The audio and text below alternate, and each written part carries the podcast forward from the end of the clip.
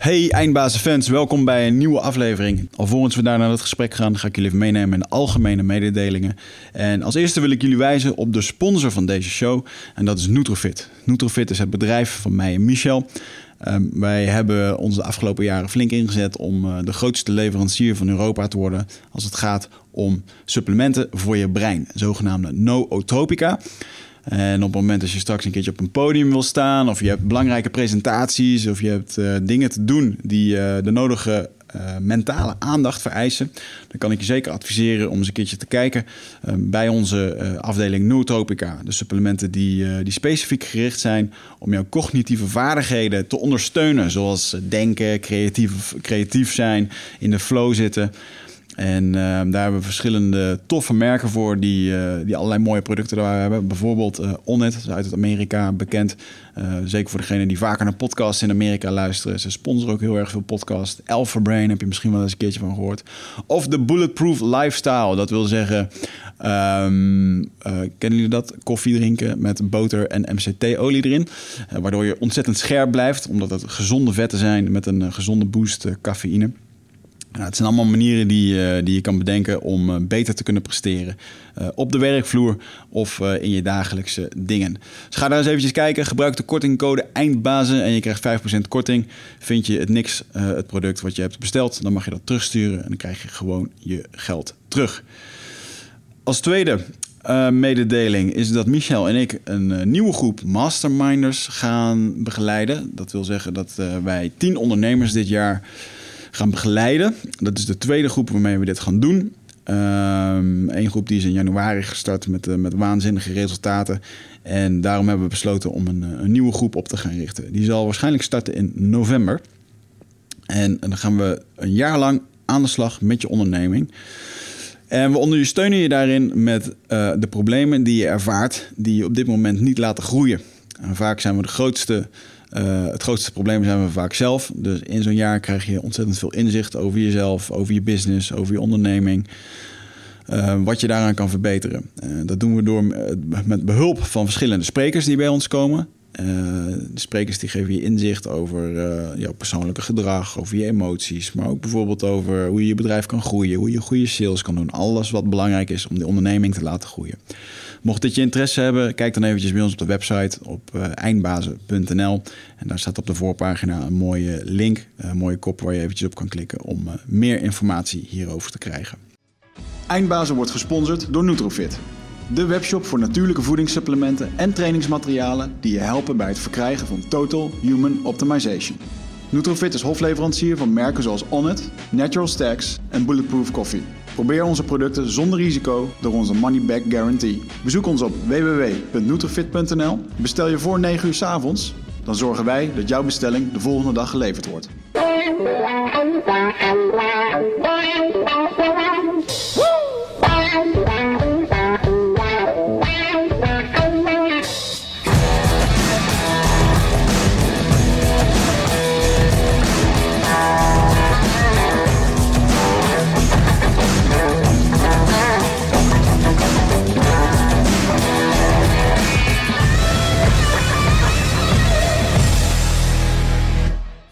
Zijn we er weer. Rolling, yes. We gaan weer een nieuwe doen.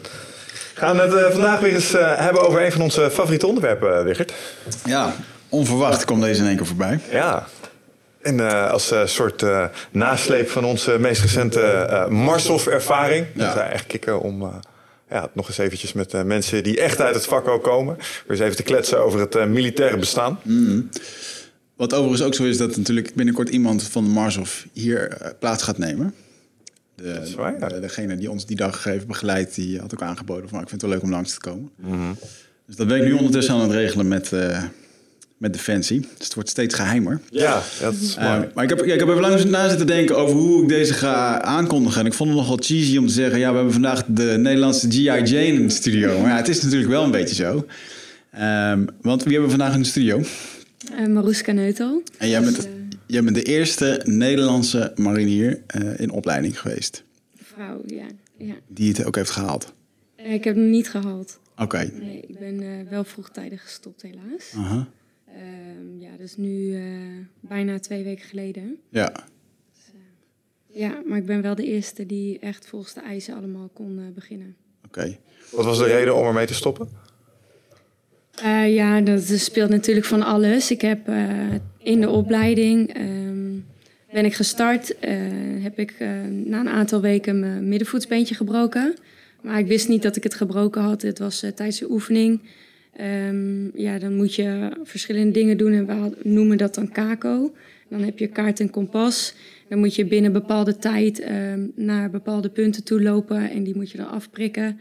Dus je gaat een beetje snel en alles was bevroren en dan over de heide. Nou, dat is natuurlijk allemaal oneffen. En je loopt met bepakking dan ook. En je wil een beetje snel. En toen stapte ik heel raar op zo'n heidepol. En toen dacht ik al, ja, dat eh, voelde niet helemaal goed.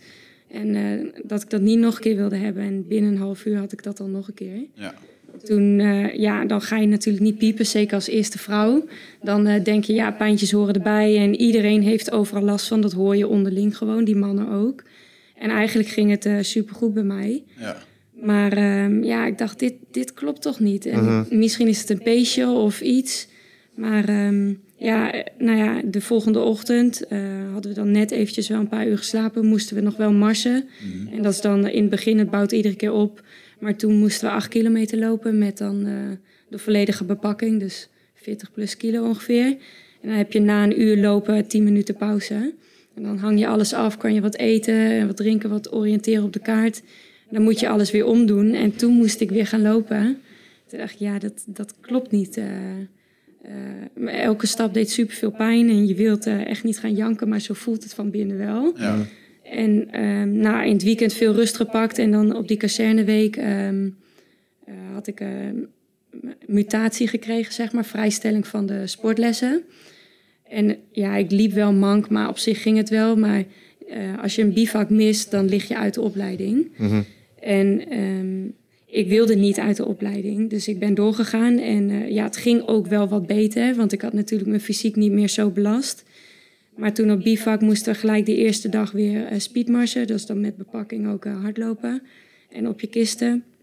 En ook over de tankbaan, maar ook over asfalt. Ja. En nou ja, iedereen liep te, nou ja, te hijgen en iedereen had het wel zwaar. Het was ook wat warmer dan op Texel. Dus ik dacht, nou goed, eh, dat valt nog wel mee. Ik ben niet de enige die het zwaar had.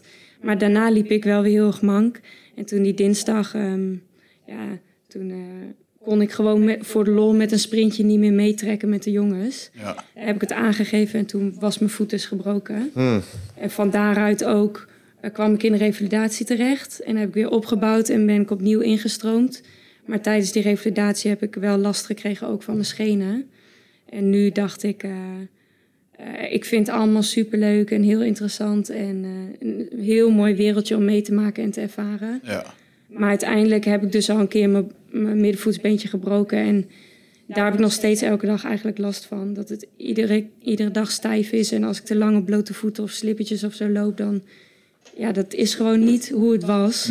En dat moet gewoon nog wat herstellen en heeft tijd nodig. Ja. Dat wilde ik niet ook met mijn schenen.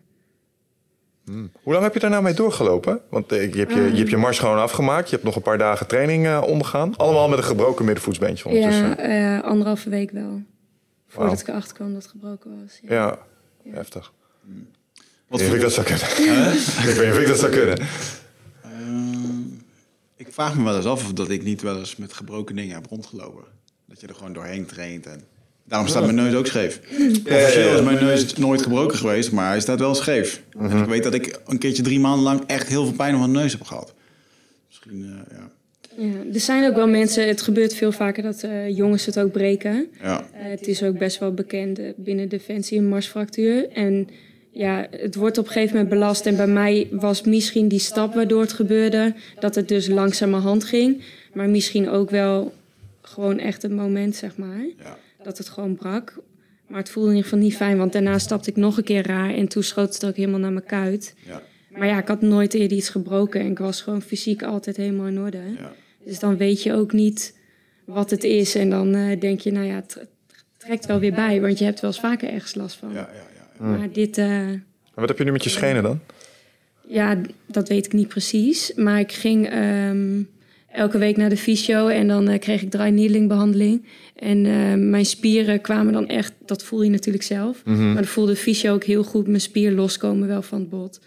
En ehm, ja, hoe, hoe dat gevoel dan is, zie ik het gewoon voor me dat het helemaal zich opblaast. Zo voelt het een beetje.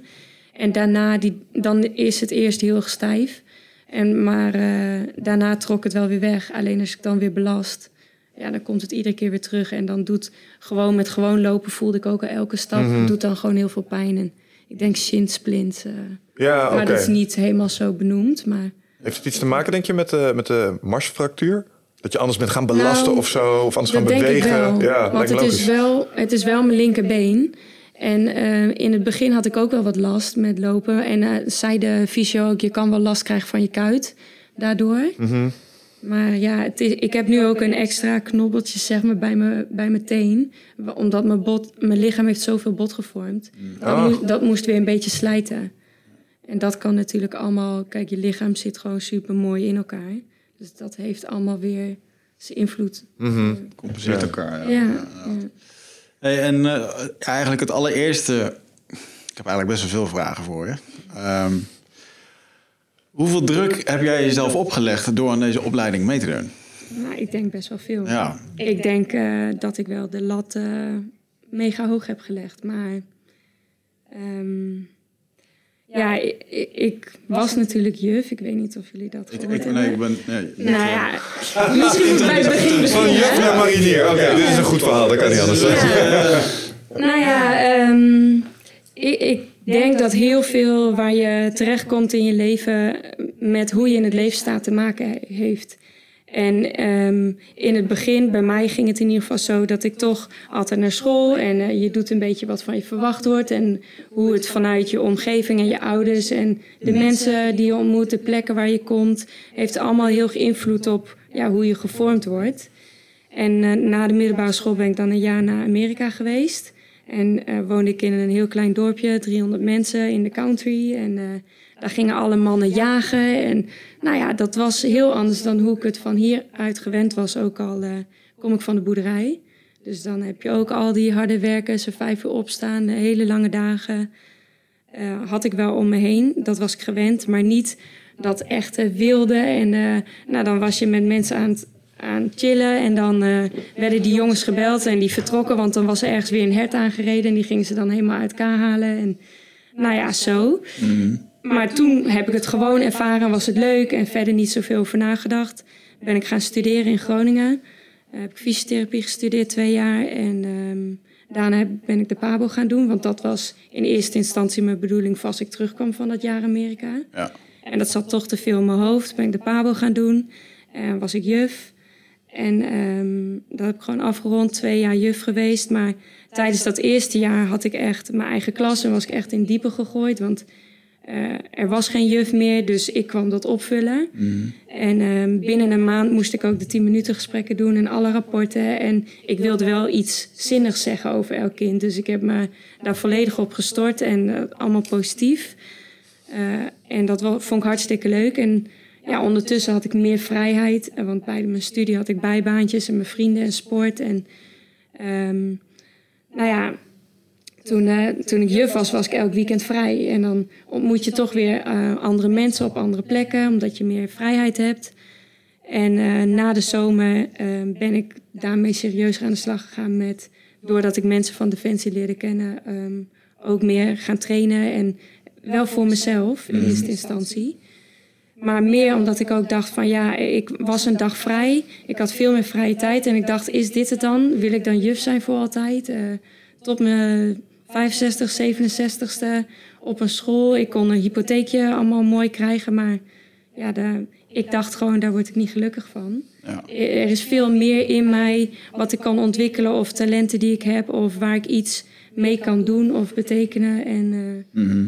ja, dat, zo ben ik een beetje mijn hart gaan volgen en eh, ja. gaan trainen. En dat leidde hiertoe. Toen dacht je, ik ga ergens voor... eh, ik ga mezelf ergens voor opgeven... waar eigenlijk nog nooit een dame zich voor heeft opgegeven. Ja, of is dat wel zo? Dan moet ik even kijken naar jouw buurman... want we hebben vandaag ook in de studio...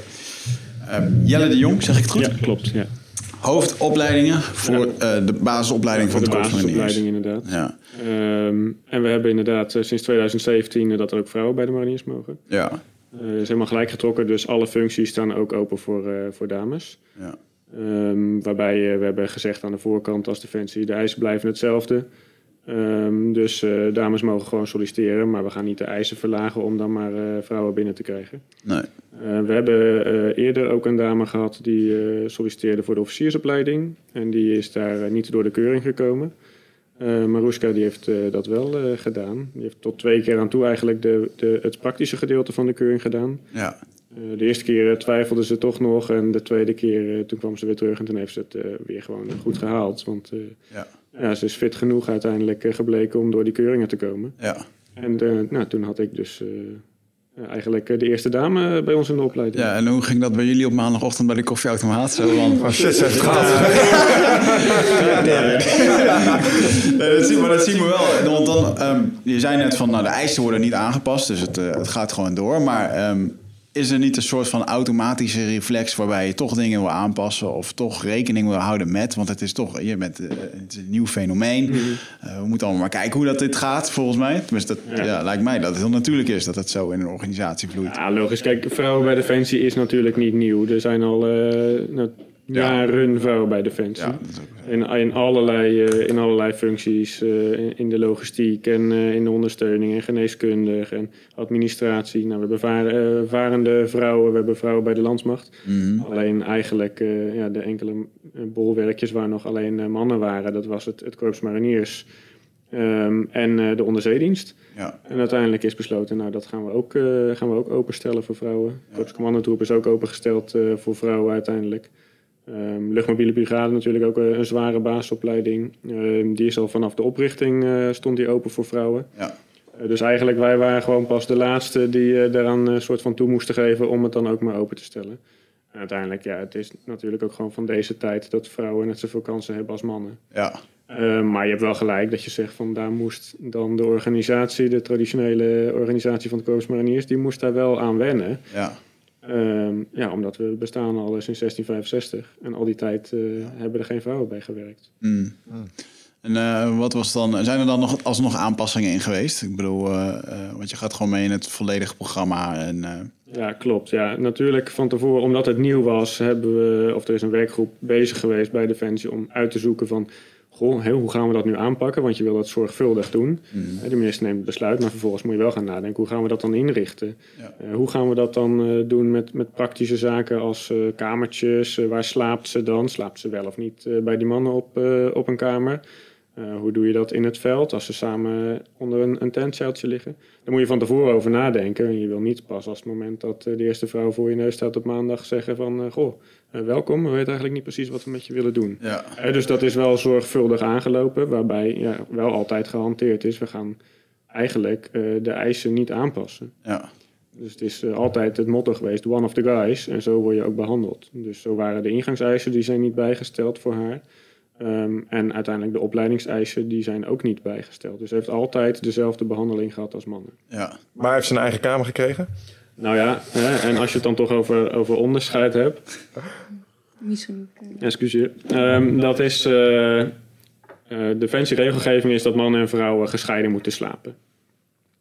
Ehm, maar wat we in de mariniersopleiding eh, dusdanig belangrijk vinden... is dat er een soort saamhorigheid en verbondenheid gecreëerd wordt in die groep. Mhm. Eh, zeker in het begin wil je gewoon dat ze als groep leren samenwerken. Nou, met één vrouw in je opleiding, als je die dan gelijk apart op een kamer gaat leggen... Ja, dat gaat niet werken. Hè? Dan krijgt ze de informatie niet mee. Ze weet niet hoe laat ze klaar moet staan. Dan leg je er gelijk al. Ja, scheid je er van de groep. En dat is niet goed voor, voor die groepscohesie. Maar het is ook in haar nadeel uiteindelijk. Want dan is zij altijd als laatste, komt ze buiten. En dan ja, is het allemaal haar schuld. Dus in die positie wilden we haar niet brengen. Ehm, dus we hebben toestemming gekregen uiteindelijk voor een soort tussenvorm. Ze sliep wel eh, bij die mannen op zaal. Weliswaar achter eh, kasten hadden op, eh, anders neergezet, waardoor haar bedje achter kasten stond, zodat ze wel de privacy had om zich daar om te kleden.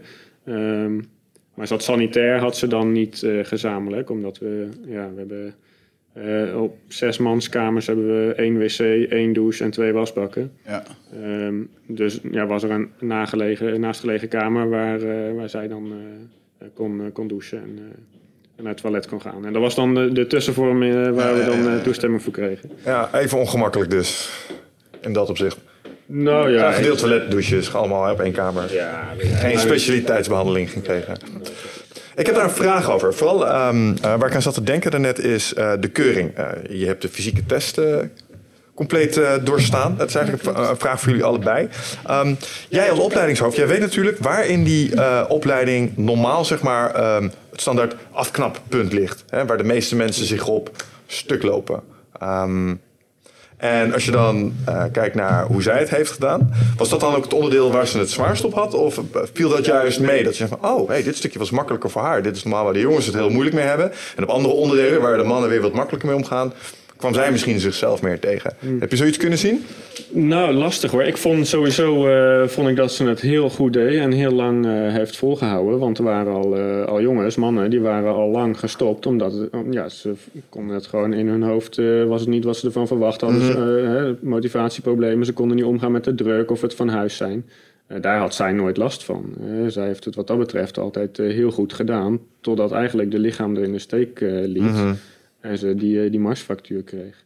En dat is wel heel erg jammer, want anders denk ik dat als ze dat niet had gehad, dat ze best nog ver had kunnen komen. Ja. Hoe, heb je, dat zelf ervaren tijdens de keuring? Want ik, eh, ik stel me voor, je doet die fysieke proeven en zo. En je, je trekt op naast allemaal mensen die het ook heel zwaar hebben. Ja. Dat je op een gegeven moment zag van, hé, hey, deze dude valt gewoon uit.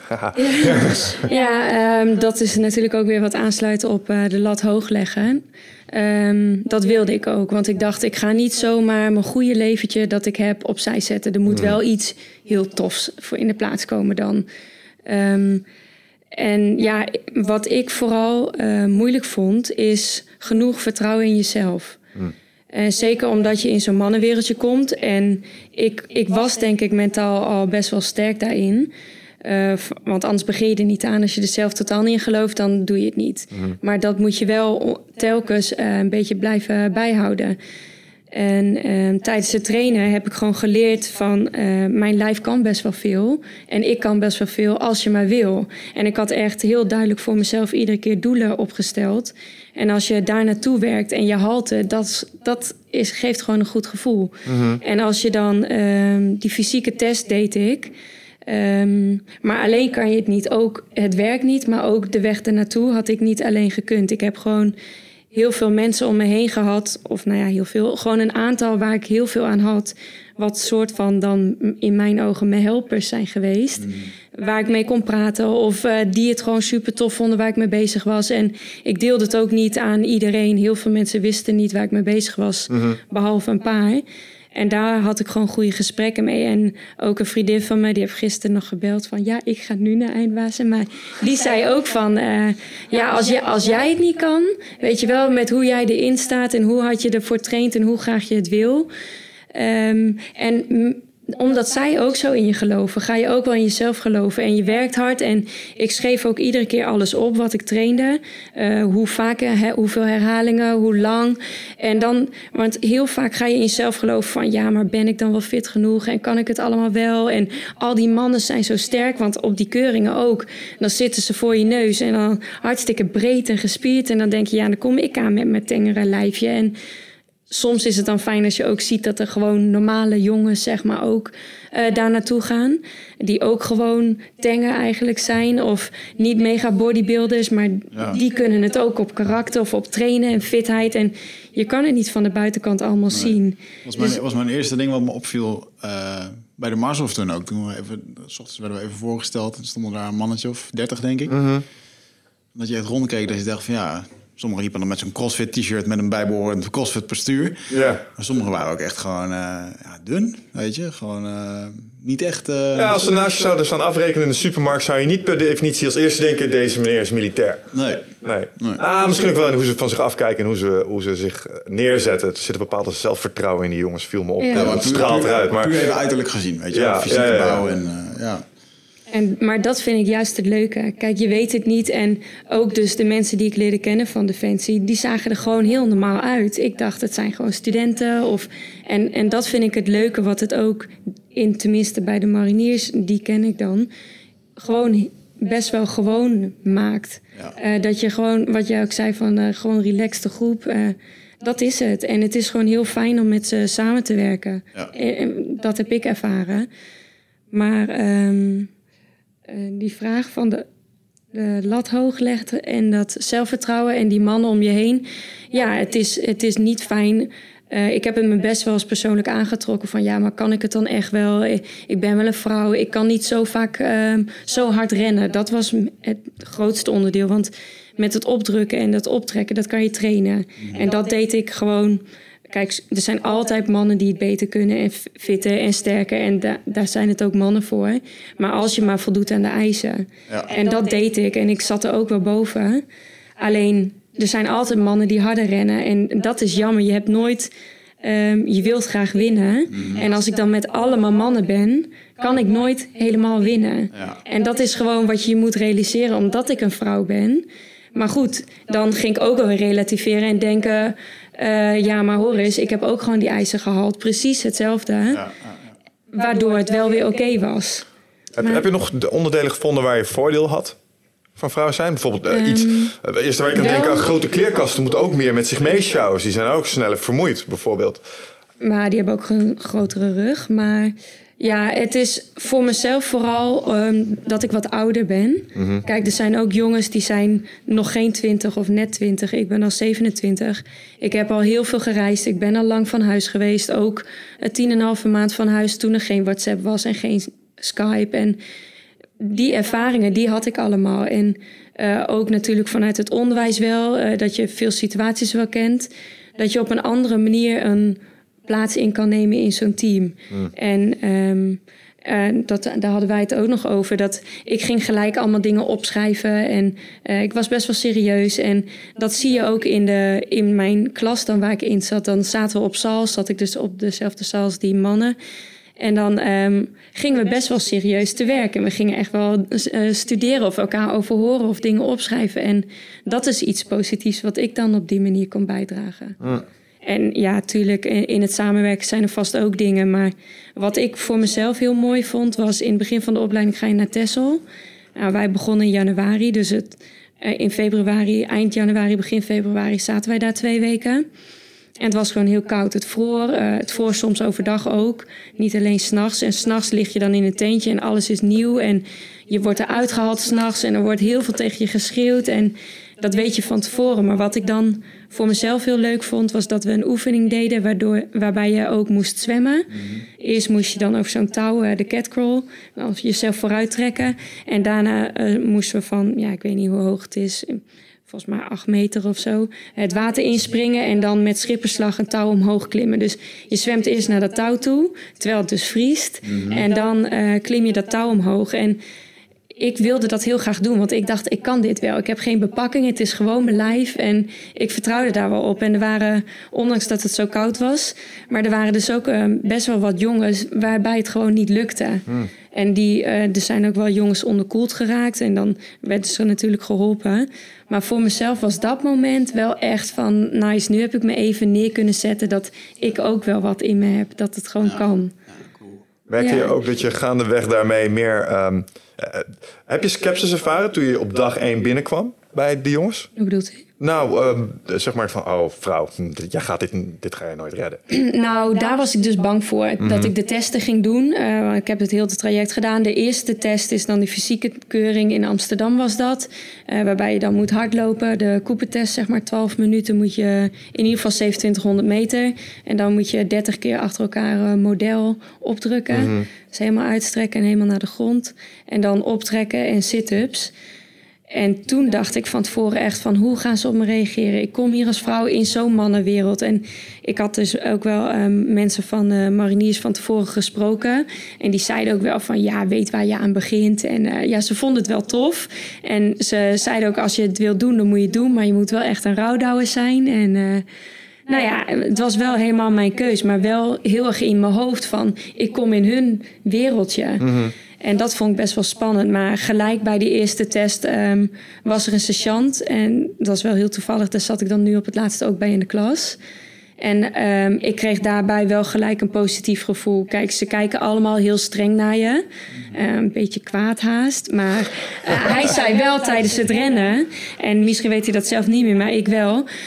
Um, we waren aan het lopen en ik begon met het lopen als ene achterste. Want die jongens die gaan er allemaal als een malle vandoor. Maar ik dacht, ja, ik moet 12 minuten volhouden en ik moet wel die afstand halen. Dus ik ben gewoon mijn eigen tempo gaan lopen, wat ik ook liep met de trainer. Ja. En dan merk je dat die jongens die zo hard beginnen, die kon ik op den duur allemaal inhalen. Dus uiteindelijk was ik als derde geëindigd. En ondertussen, dat ik aan het inhalen was, zei die sergeant, die hield alle tijden bij. En hij zei heel kort tussendoor, kom op, has in. En, en alleen maar zo'n klein zinnetje dacht ik van, yes, wow. Hij staat toch ook wel een beetje aan mijn kant. Hij gunt het me wel. En ja. zulke ervaringen, dan is het maar iets heel kleins af en toe. Dat, dat helpt je wel. Je zit trouwens een hele wijze les in wat jou hier gebeurd is. Ja. Er zijn sprookjes over geschreven. De haas en de schildpad dit. De, zeg maar, ken, ken, je niet? Zeg maar, de ja. haas supersnel, sprint weg, maar de schildpad pakt gewoon zijn tempo, werkt consistent door en uiteindelijk haalt hij de haas ah, in. op die manier, ja. Ja, zeker wel. Ja. Ik vind het wel, het doet me een beetje denken aan uh, de tijden van de vechtsportwedstrijden, waar dan, uh, er ging wel eens naar zo'n toernooi toe. In sommige gewichtsklassen waren dan te weinig deelnemers voor en dan werden de jongens samengevoegd met de meiden. en toch had ik altijd zoiets ja, weet je, ik ben toch blij dat het niet bij mij gebeurt. Want dan moest, moest je tegen elkaar gaan vechten. En dan zaten meiden, waren er niet, de rolden inderdaad gewoon de jongens Ja, kom je met de schoenen tegen. Kom je in de studio geweest, wereldkampioen MMA. En er stonden van die gasten. En dan zag je eigenlijk al zo, ja, er zitten er 300 ogen naar je te kijken. en uh, het is ook grappig wat dat weer met mannen doet. Want sommigen zag je in één keer wel in een tempootje een soort van voorzichtigheidsmodus uh -huh. aan de slag. Ja. En, uh, en Marloes die natuurlijk gewoon, uh, ja oprolde daar. Ik vond het wel een, een bijzondere dynamiek geeft dat in. Ja, ik denk dat dat er één is, dat mannen niet onder willen doen. Maar ik denk dat er ook een ander is. En ik weet niet of je, of je dat gemerkt hebt. We hebben hier een keer met uh, Patrick Kikker gezeten. En die zei, weet je, mannen zijn heel voorspelbaar. Zet hier een mooie blonde vrouw aan tafel en ze gaan zich ineens anders gedragen. Borstjes naar voren, beter hun best doen. Mm. Um, dat zou ook maar zoiets kunnen zijn geweest wat, wat daarin mee heeft gespeeld. Van, hé, hey, dus, nou, we gaan even indruk maken. Ja. Is dat iets wat je herkent? Nou, uh, beide allemaal wel. Want ik heb dus laatst uh, waren we ook aan het hardlopen. Um, toen was ik nog niet weer ingestroomd, was ik nog aan het revalideren. En dan zit je in een revalidatiegroep en um, daar stromen ook continu nieuwe jongens bij in die dan iets oplopen of zo. En dan gaan ze toch een beetje hun plekje zoeken. Maar dan met het sprinten vond ik heel grappig. Want de eerste vier rondes kon ik uh, echt wel meedoen met het tempo. Ook met sprinten moest je volledig met die mannen. En dat moesten we dan tien keer herhalen en andere afstanden. Maar op een gegeven moment, ja, dan gaan die mannen wel echt met rennen harder dan ik.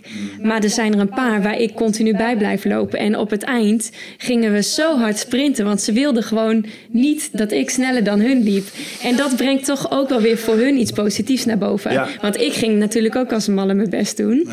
En aan het eind krijg je dan ook gelijk een box. En uh, dat, dat, vinden ze leuk. En aan de andere kant is het ook... Um, uh, ik, ik dacht er net nog aan. Um, je hebt dus dat, maar je hebt ook dat sommige inderdaad, dat heb ik één keer maar gehad hoor. Uh, dat eentje gewoon mij heel graag wilde helpen. We waren zo'n tuigje aan het maken dat je zelf met een 7 meter lijn een tuigje maakt dat je kunt hangen. Mm -hmm. um, en toen wilde die mij helpen en zei de sergeant gelijk, nou laat er het even zelf doen, slijmbal. En, en dat... en, ja, maar toen dacht ik wel, ja, heel goed, weet je wel. Ik moet het ook gewoon zelf doen. En het was alleen maar goed bedoeld, maar... En het is, hoeft niet per se man-vrouw te zijn, dat weet ik niet. Want ze helpen elkaar altijd. Je hebt gewoon een buddy en je helpt elkaar altijd. En, maar ja, dit was gewoon wel grappig. Ja. En dat vind ik dan ook wel grappig. En hij vond het grappig, maar ja. ja. Nou, er zijn heel veel mensen die van nature de redder willen zijn voor iedereen. Dus ja. maakt niet of dat man of vrouw is. Want dat zit gewoon in zijn karakter, karakter. Hij helpt iedereen, maar nu was het wel zo'n situatie. Ja, dat kreeg hij even terug in zijn face. Ja. Iedereen ziet dat toch? ja. Oké, okay, nee, en um, uh, tijdens de opleiding, hè, toen je... Um, is er een moment geweest dat je dacht van... oké, okay, ik ben hier nu aan begonnen... en dat je op een gegeven moment een soort van momentum kreeg... dat je dacht van, ah, het gaat eigenlijk wel goed, het zit goed op mijn plek hier... Uh, ja. Ik weet niet of er is er tussentijds een soort van overleg met, je, met jullie geweest. Zo van, uh, nou, je, je, bent nog steeds het eerste project dat hier binnenkomt.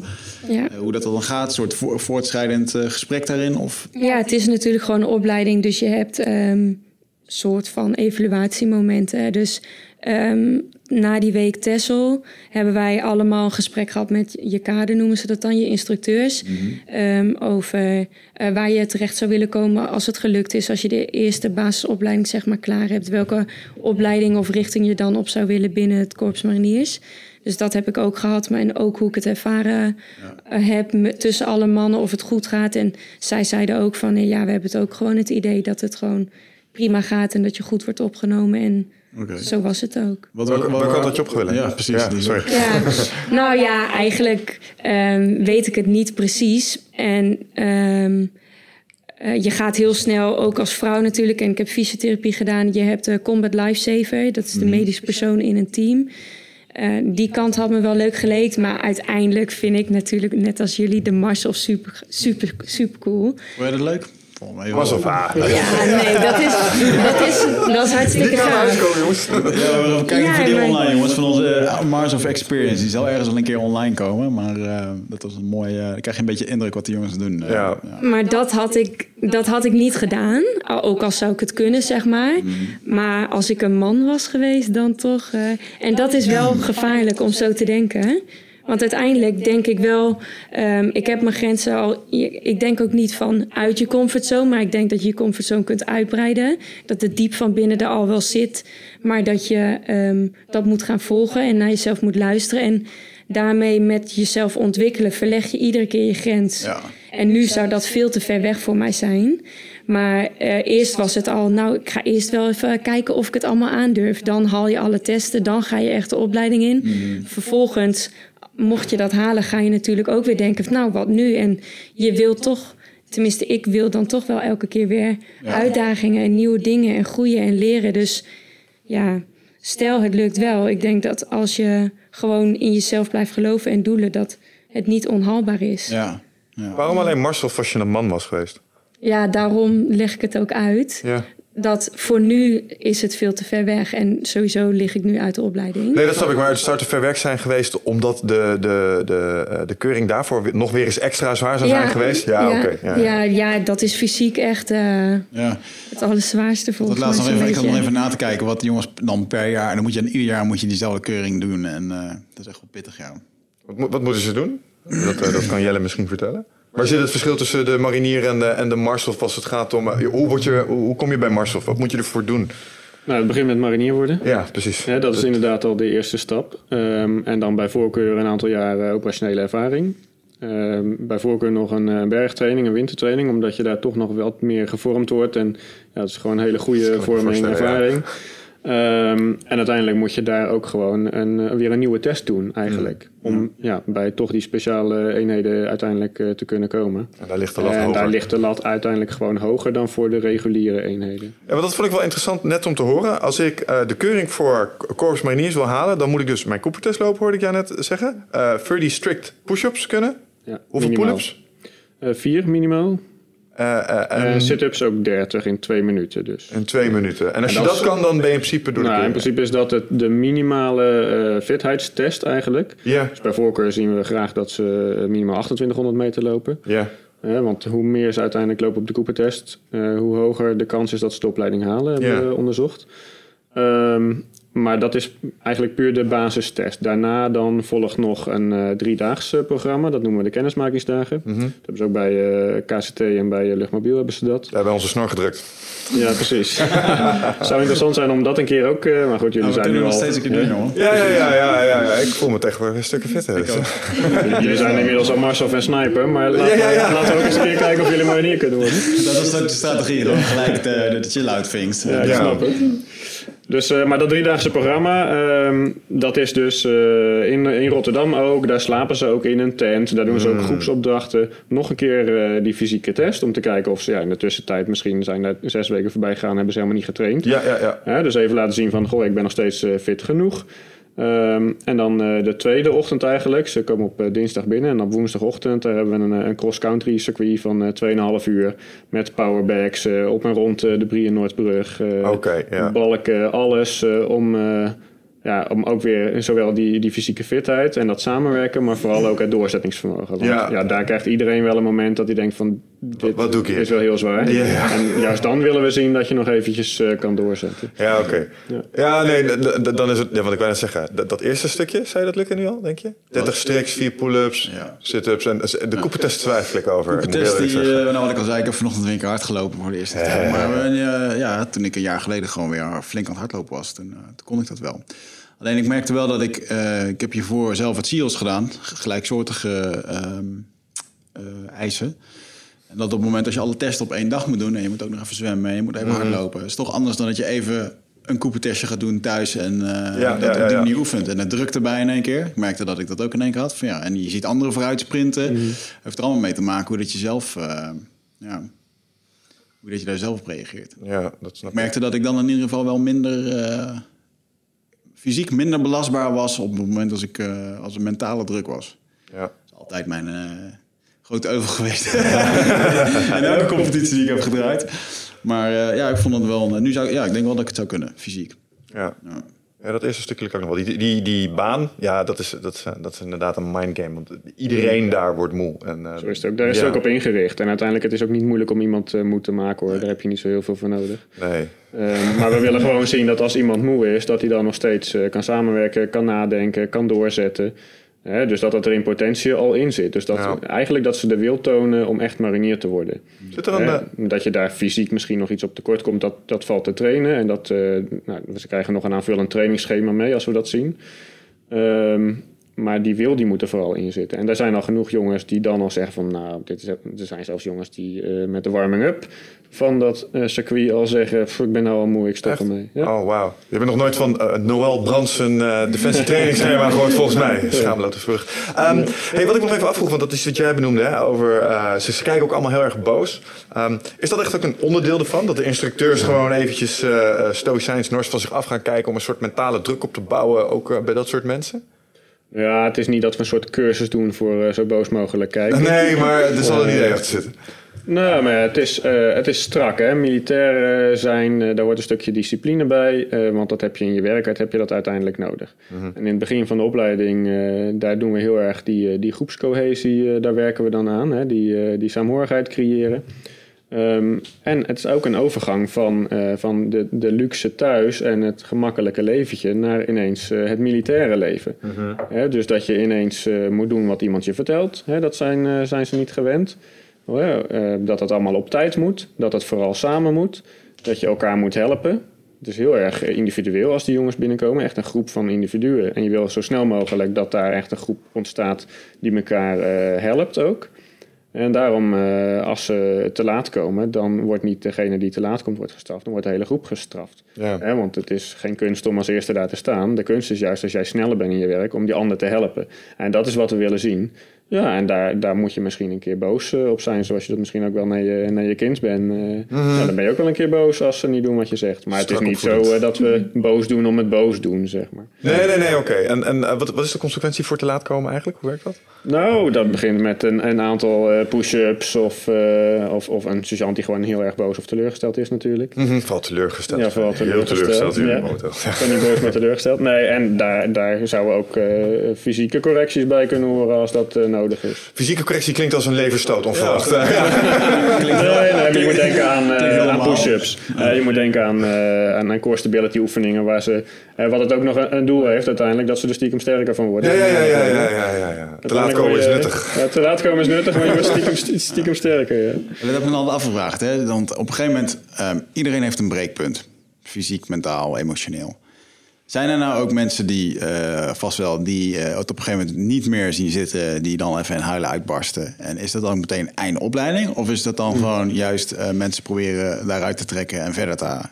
Nou ja, en, en, wat ik al zei, het is geen kunst om mensen moe te maken en iedereen krijgt dat breekpunt. Ja. Um, maar de, ja, het moet wel goed zitten tussen je oren, hè? wat uh, ook al zegt.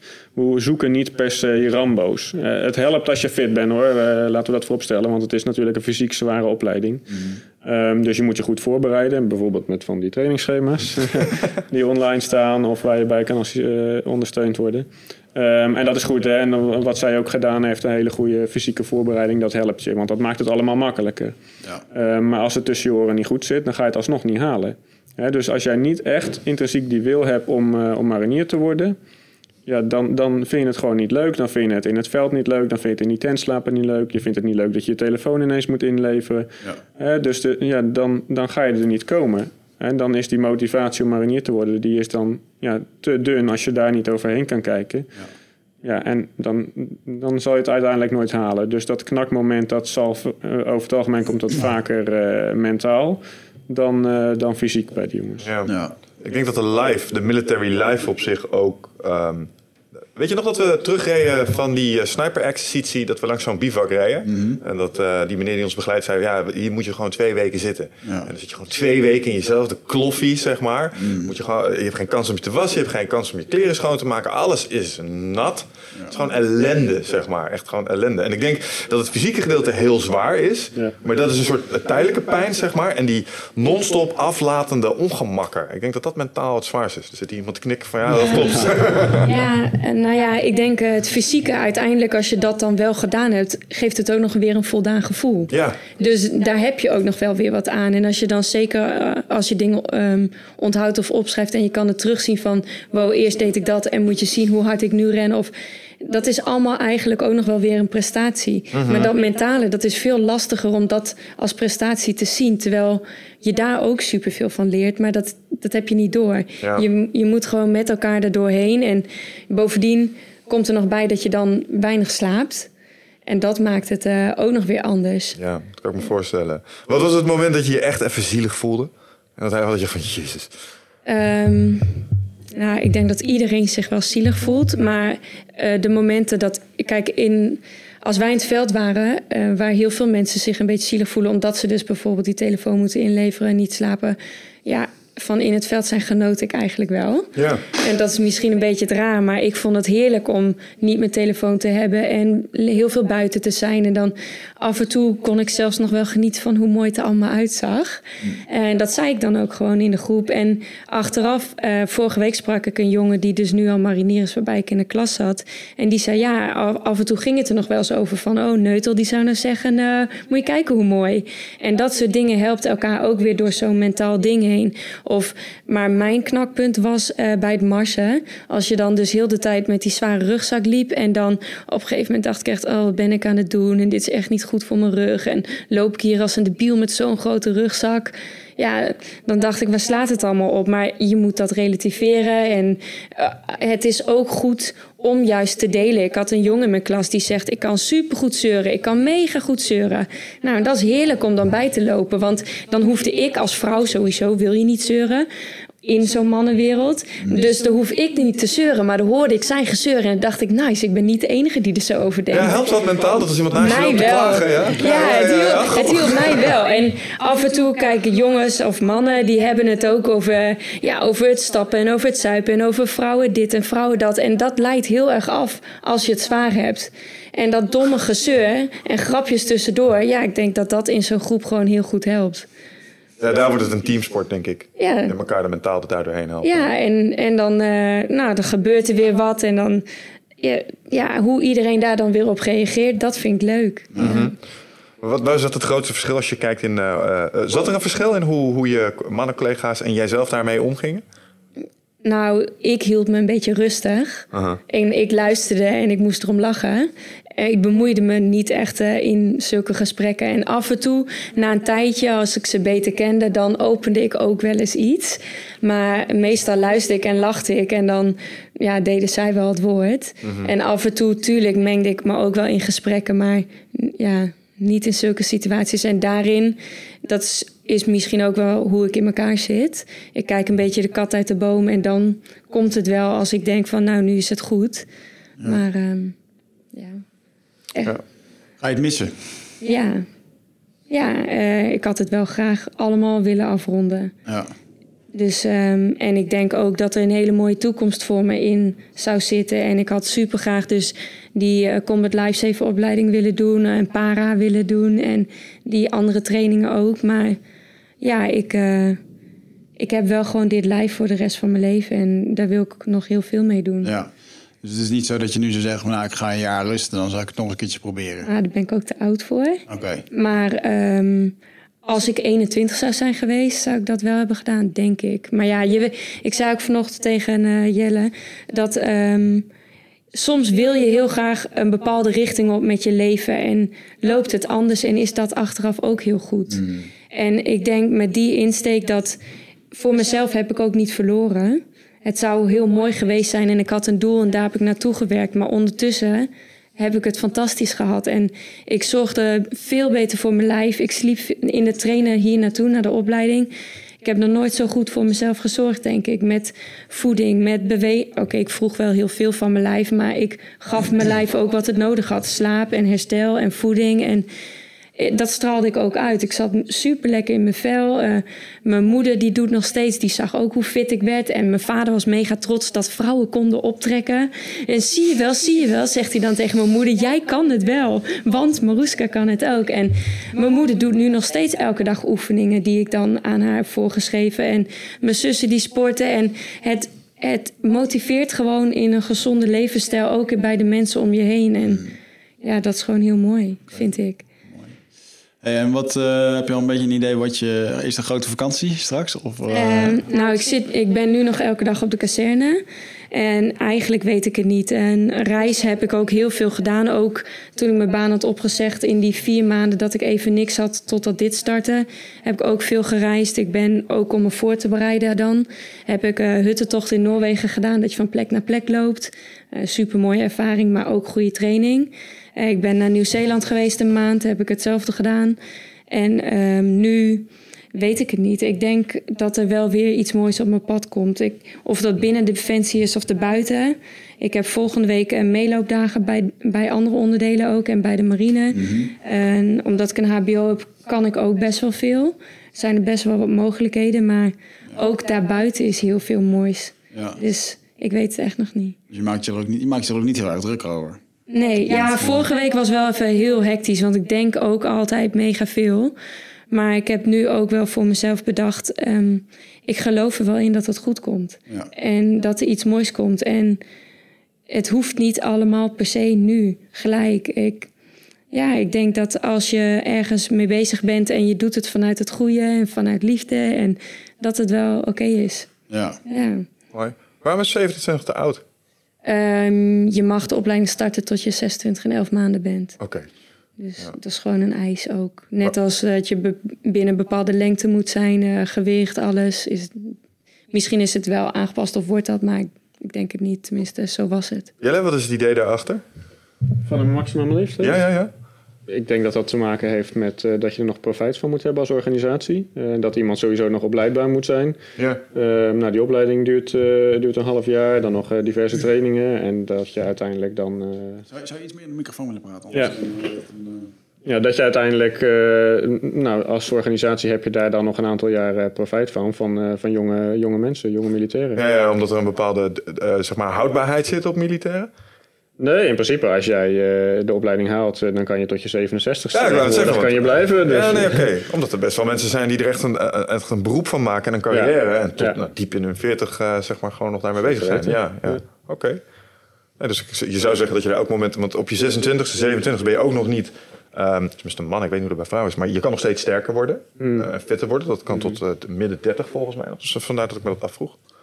Kost ook gewoon geld, toch? Om iemand zo op te leiden. En uh, ik denk dat je best wel uiteindelijk, als iemand volledig marineren is, dat er zitten best wel wat, uh, wat investeringen in. Ja, het kost heel veel geld. Mm -hmm. Dus als berekend dat je daar een hele goede auto voor kan kopen. Ja. Dan gaat het over enkele tienduizenden euro's. Ja. Daar zit alles in. Hè. Daar zit uh, haar salaris al in. Uh, mijn salaris natuurlijk. Ja, ja, uh, maar voeding, oefeningen, munitie, brandstof, personeel. Ja. dat was de grap die we maakten aan het einde van die Marshof dag dat ik een, een blij belasting betalen was daar. Ah, wat wat uh, Mariska ook vertelt, zo'n zo'n samenstelling van een groep, dat heeft wel invloed op hoe het gaat. Hè, en uh, zij was dan een vrouw van, uh, van 6, 27. Maar je ziet dat die diversiteit in zo'n groep, en zeker als je daar al wat, wat oudere jongens tussen hebt lopen, of die misschien een hoger opleidingsniveau hebben, juist die diversiteit, dat maakt het, maakt het interessant. En ja, daar kunnen ze elkaar ook een beetje er doorheen helpen. Hè. Wat -huh. zij ook doet, Ehm, ja, je kan het wat beter relativeren uiteindelijk dan die jonge jongens die alleen maar denken van goh, en ik mis, eh, ik mis thuis of ik mis de festivals en de, de feestjes. Ja. Hè, dat je dan toch eventjes tegen elkaar kan zeggen, goh ja, maar dat is logisch. Hè, daar moet je even aan wennen. Je moet er even doorheen, maar uiteindelijk hou voor je ogen dat je marinier wil eh, zijn. Hè? Dus het werk van een marinier wil doen, uiteindelijk dat is waarvoor je gekomen bent. En die opleiding is slechts een manier om eh, marinier te worden. Ja. Ja. Ja, dat, dat viel me er net ook op. Uh, je had het net over de, de jonge jongens die dan het, uh, het ongemak van weg zijn uh, ervaren. Ja. Een van de dingen die jij heel beduidend noemde... is dat ze allemaal last hadden van dat de telefoon werd afgepakt. Dat heb ik in het gesprek al een paar keer, zeg maar...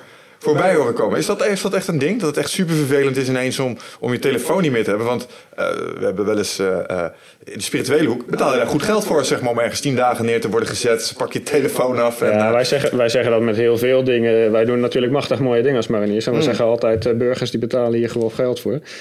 Vaak ook als grap natuurlijk. Maar, uh, maar het is waar, ja. op, het moment, op het moment dat het wat minder leuk is, dan relativeer je met wat humor. Maar die telefoon, kijk, nu, nu lijkt het een ding op zich. Maar uh, het heeft natuurlijk ook een bepaald doel. Hè? Want uiteindelijk in ons werk, wij gaan over heel de wereld, word, word je ingezet. Vaak ook als eerste. Dus je gaat vanaf dat, dat schip, daar heb je misschien al geen wifi. Ja. ga je aan land waar nog helemaal niks is. Hè? Er, is er is nog geen kamp Holland met wifi en, en alles erop en eraan. Dus je moet daar onder dat zeiltje moet je ook je ding kunnen doen. Dus dat is enerzijds natuurlijk. Ja, ik zie er zo'n groep mariniers staan die op een strand aankomen ja. allemaal met de telefoon nee, zo. Ja, precies. Dus niet dat je, nou, je krijgt dan niet gelijk de wifi-code natuurlijk. Nee. Dus, weet je, dat, dat is wat erachter zit. Um, en er zit ook achter een stukje met uh, mentale, mentale vorming ja. natuurlijk. Van ja, goh, en uh, zoek nu maar de afleiding in uh, het omgaan met elkaar en het studeren voor die opleiding. Uh, in plaats van uh, dat iedereen daar individueel s'avonds in zijn telefoontje duikt. Want ook dan krijg je geen groepsvorming. Ja. En natuurlijk, wij beseffen ons ook wel, we moeten wat met de tijd meegaan. Dus helemaal uh, die telefoon ontzeggen, dat is misschien toch wat te gek voor deze jeugd. Okay. Um, dus we zijn ook wel aan het kijken van, nou laten we dan een moment in de week, of misschien twee momenten in de week, dat ze toch eventjes dat contact hebben. Eventjes misschien ook wat ervaringen kunnen delen. Misschien wat steun kunnen krijgen van een thuisfront. Mm -hmm. En daarna ga je weer gewoon lekker met die groep aan de gang en ga je je programma volgen. Dus er zijn ook wel inzichten om dat, om dat wat meer toe te staan. Ja. En sowieso ook in modern onderwijs kunnen we ook gewoon die telefoon laten gebruiken.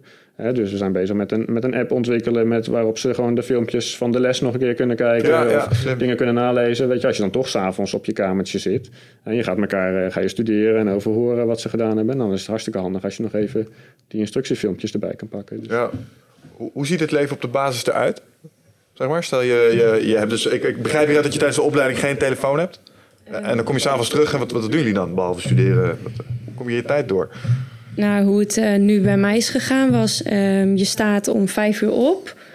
Uh, iedere dag, als je gewoon op de kazerne bent, even kazerneweek, uh, sta je om vijf uur op. En dan moet je um, om kwart voor zes buiten aangetreden staan. En dan moet je geschoon script hebben. Dus dan heb je elke ochtend, maak je in ieder geval de wc, de badkamer, de vloer.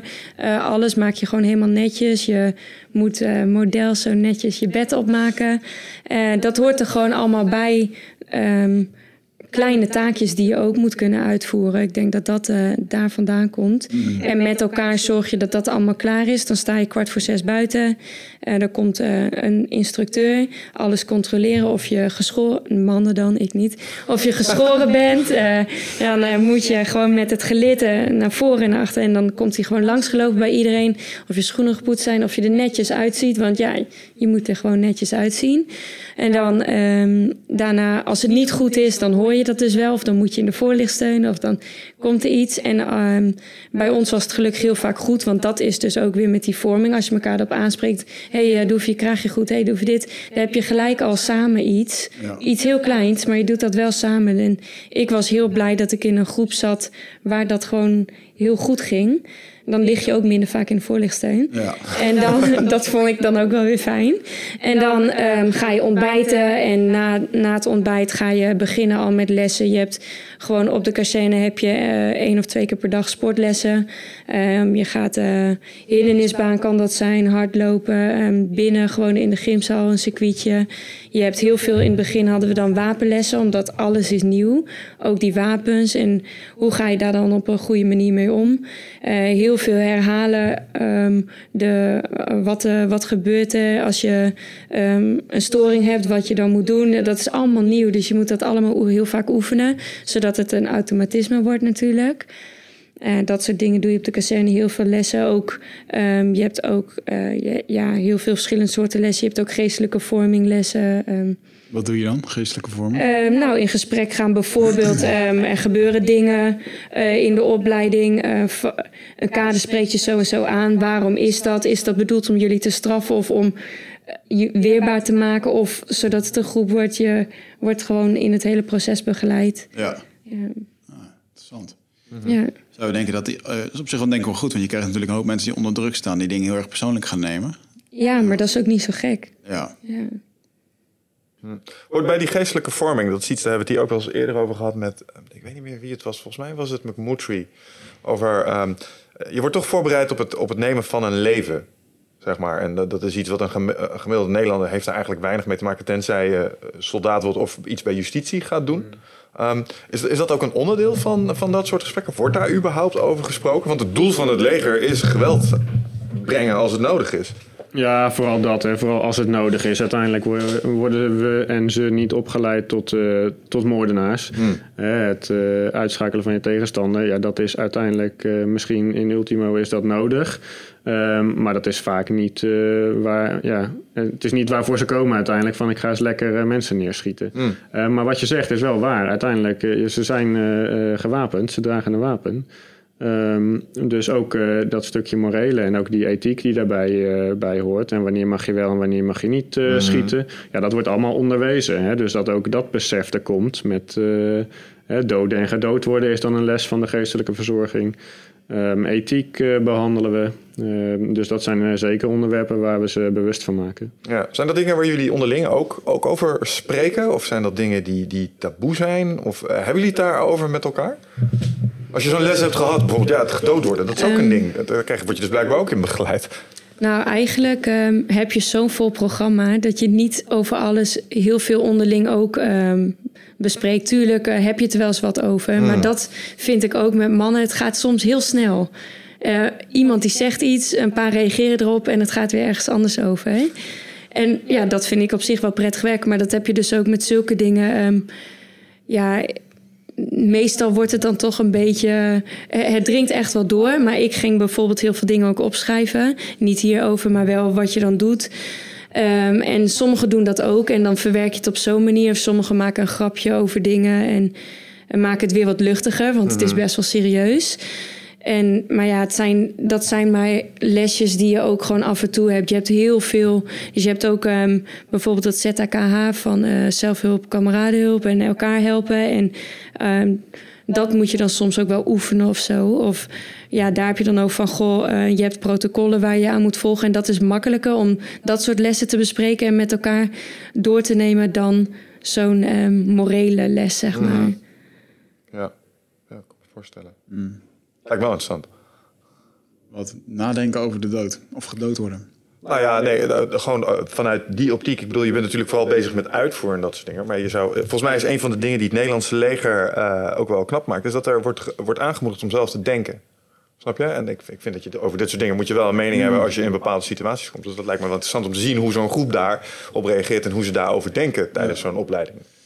Ik las laatst een keertje, een, of laatst, dat is lang geleden, maar ik las ook veel boeken over uh, antiterrorisme, eenheden en dat soort dingen. Ik weet dat de Israëli's die.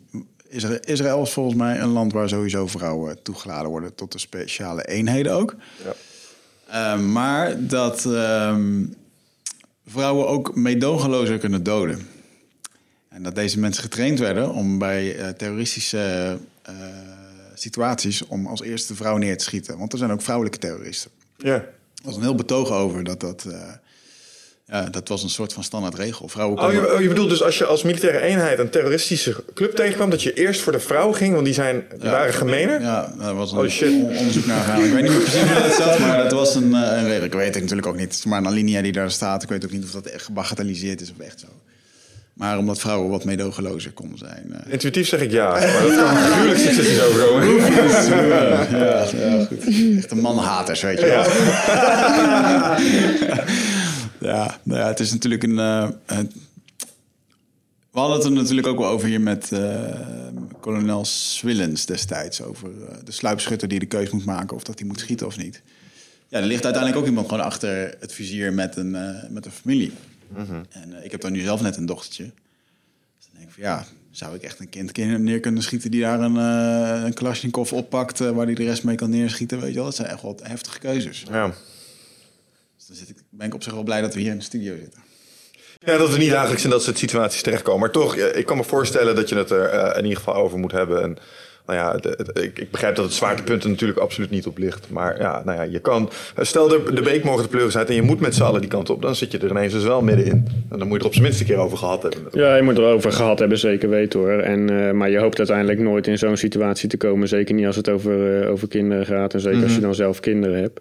Ehm, maar ja, het is zeker waar. En ja, daarom trainen we ook allerlei verschillende scenario's. Jullie hebben dat misschien bij, eh, bij Marshof ook wel gezien. Ja. Ehm, en we zoeken ook echt mensen, en daar trainen we ze ook in, die zelf kunnen nadenken. Hè, want eh, vaak dan, eh, die mariniers die eh, komen als eerste komen ze de kamer binnen. En dan moeten ze gelijk handelen. Daar treffen ze een situatie aan, dat weet je niet van tevoren. Er is geen corporaal of sergeant, die staat nog ergens ver op de gang eh, om de boel te coördineren. Dus zij staan daadwerkelijk als eerste in die kamer en moeten die keuze maken. En dat, dat is in een split, een split second is dat. Dat heb je bij Marshof misschien ervaren. Ehm, en dat is niet altijd die vent met die Kalashnikov, maar dat kan net zo goed een vrouw zijn. Of iemand met een mes, of met een handgranaat, of misschien wel meerdere mensen. Ja, dus je moet mensen hebben die constant kunnen switchen. Want misschien eh, komt hij niet gewapend op je af, maar wil hij een klap verkopen. Ja, dan eh, moet je hem niet gelijk neerschieten. Hè. Dat heeft ook met die, eh, met die rules of engagement natuurlijk te maken. Ja, nou, dat, dat vond ik met name zo knap toen ik die Marshof jongens van dichtbij zag werken. Ten eerste, zo'n olieplatform is groot en de snelheid waarmee zij over dat ding heen gingen en, en zeg maar situaties die zich tegenkwamen oplosten. Ja. En dan kon ik het vanuit Wiggers perspectief zien. En ik kan me voorstellen, als je daar aankomt met een wapen en er staan ineens twee mensen.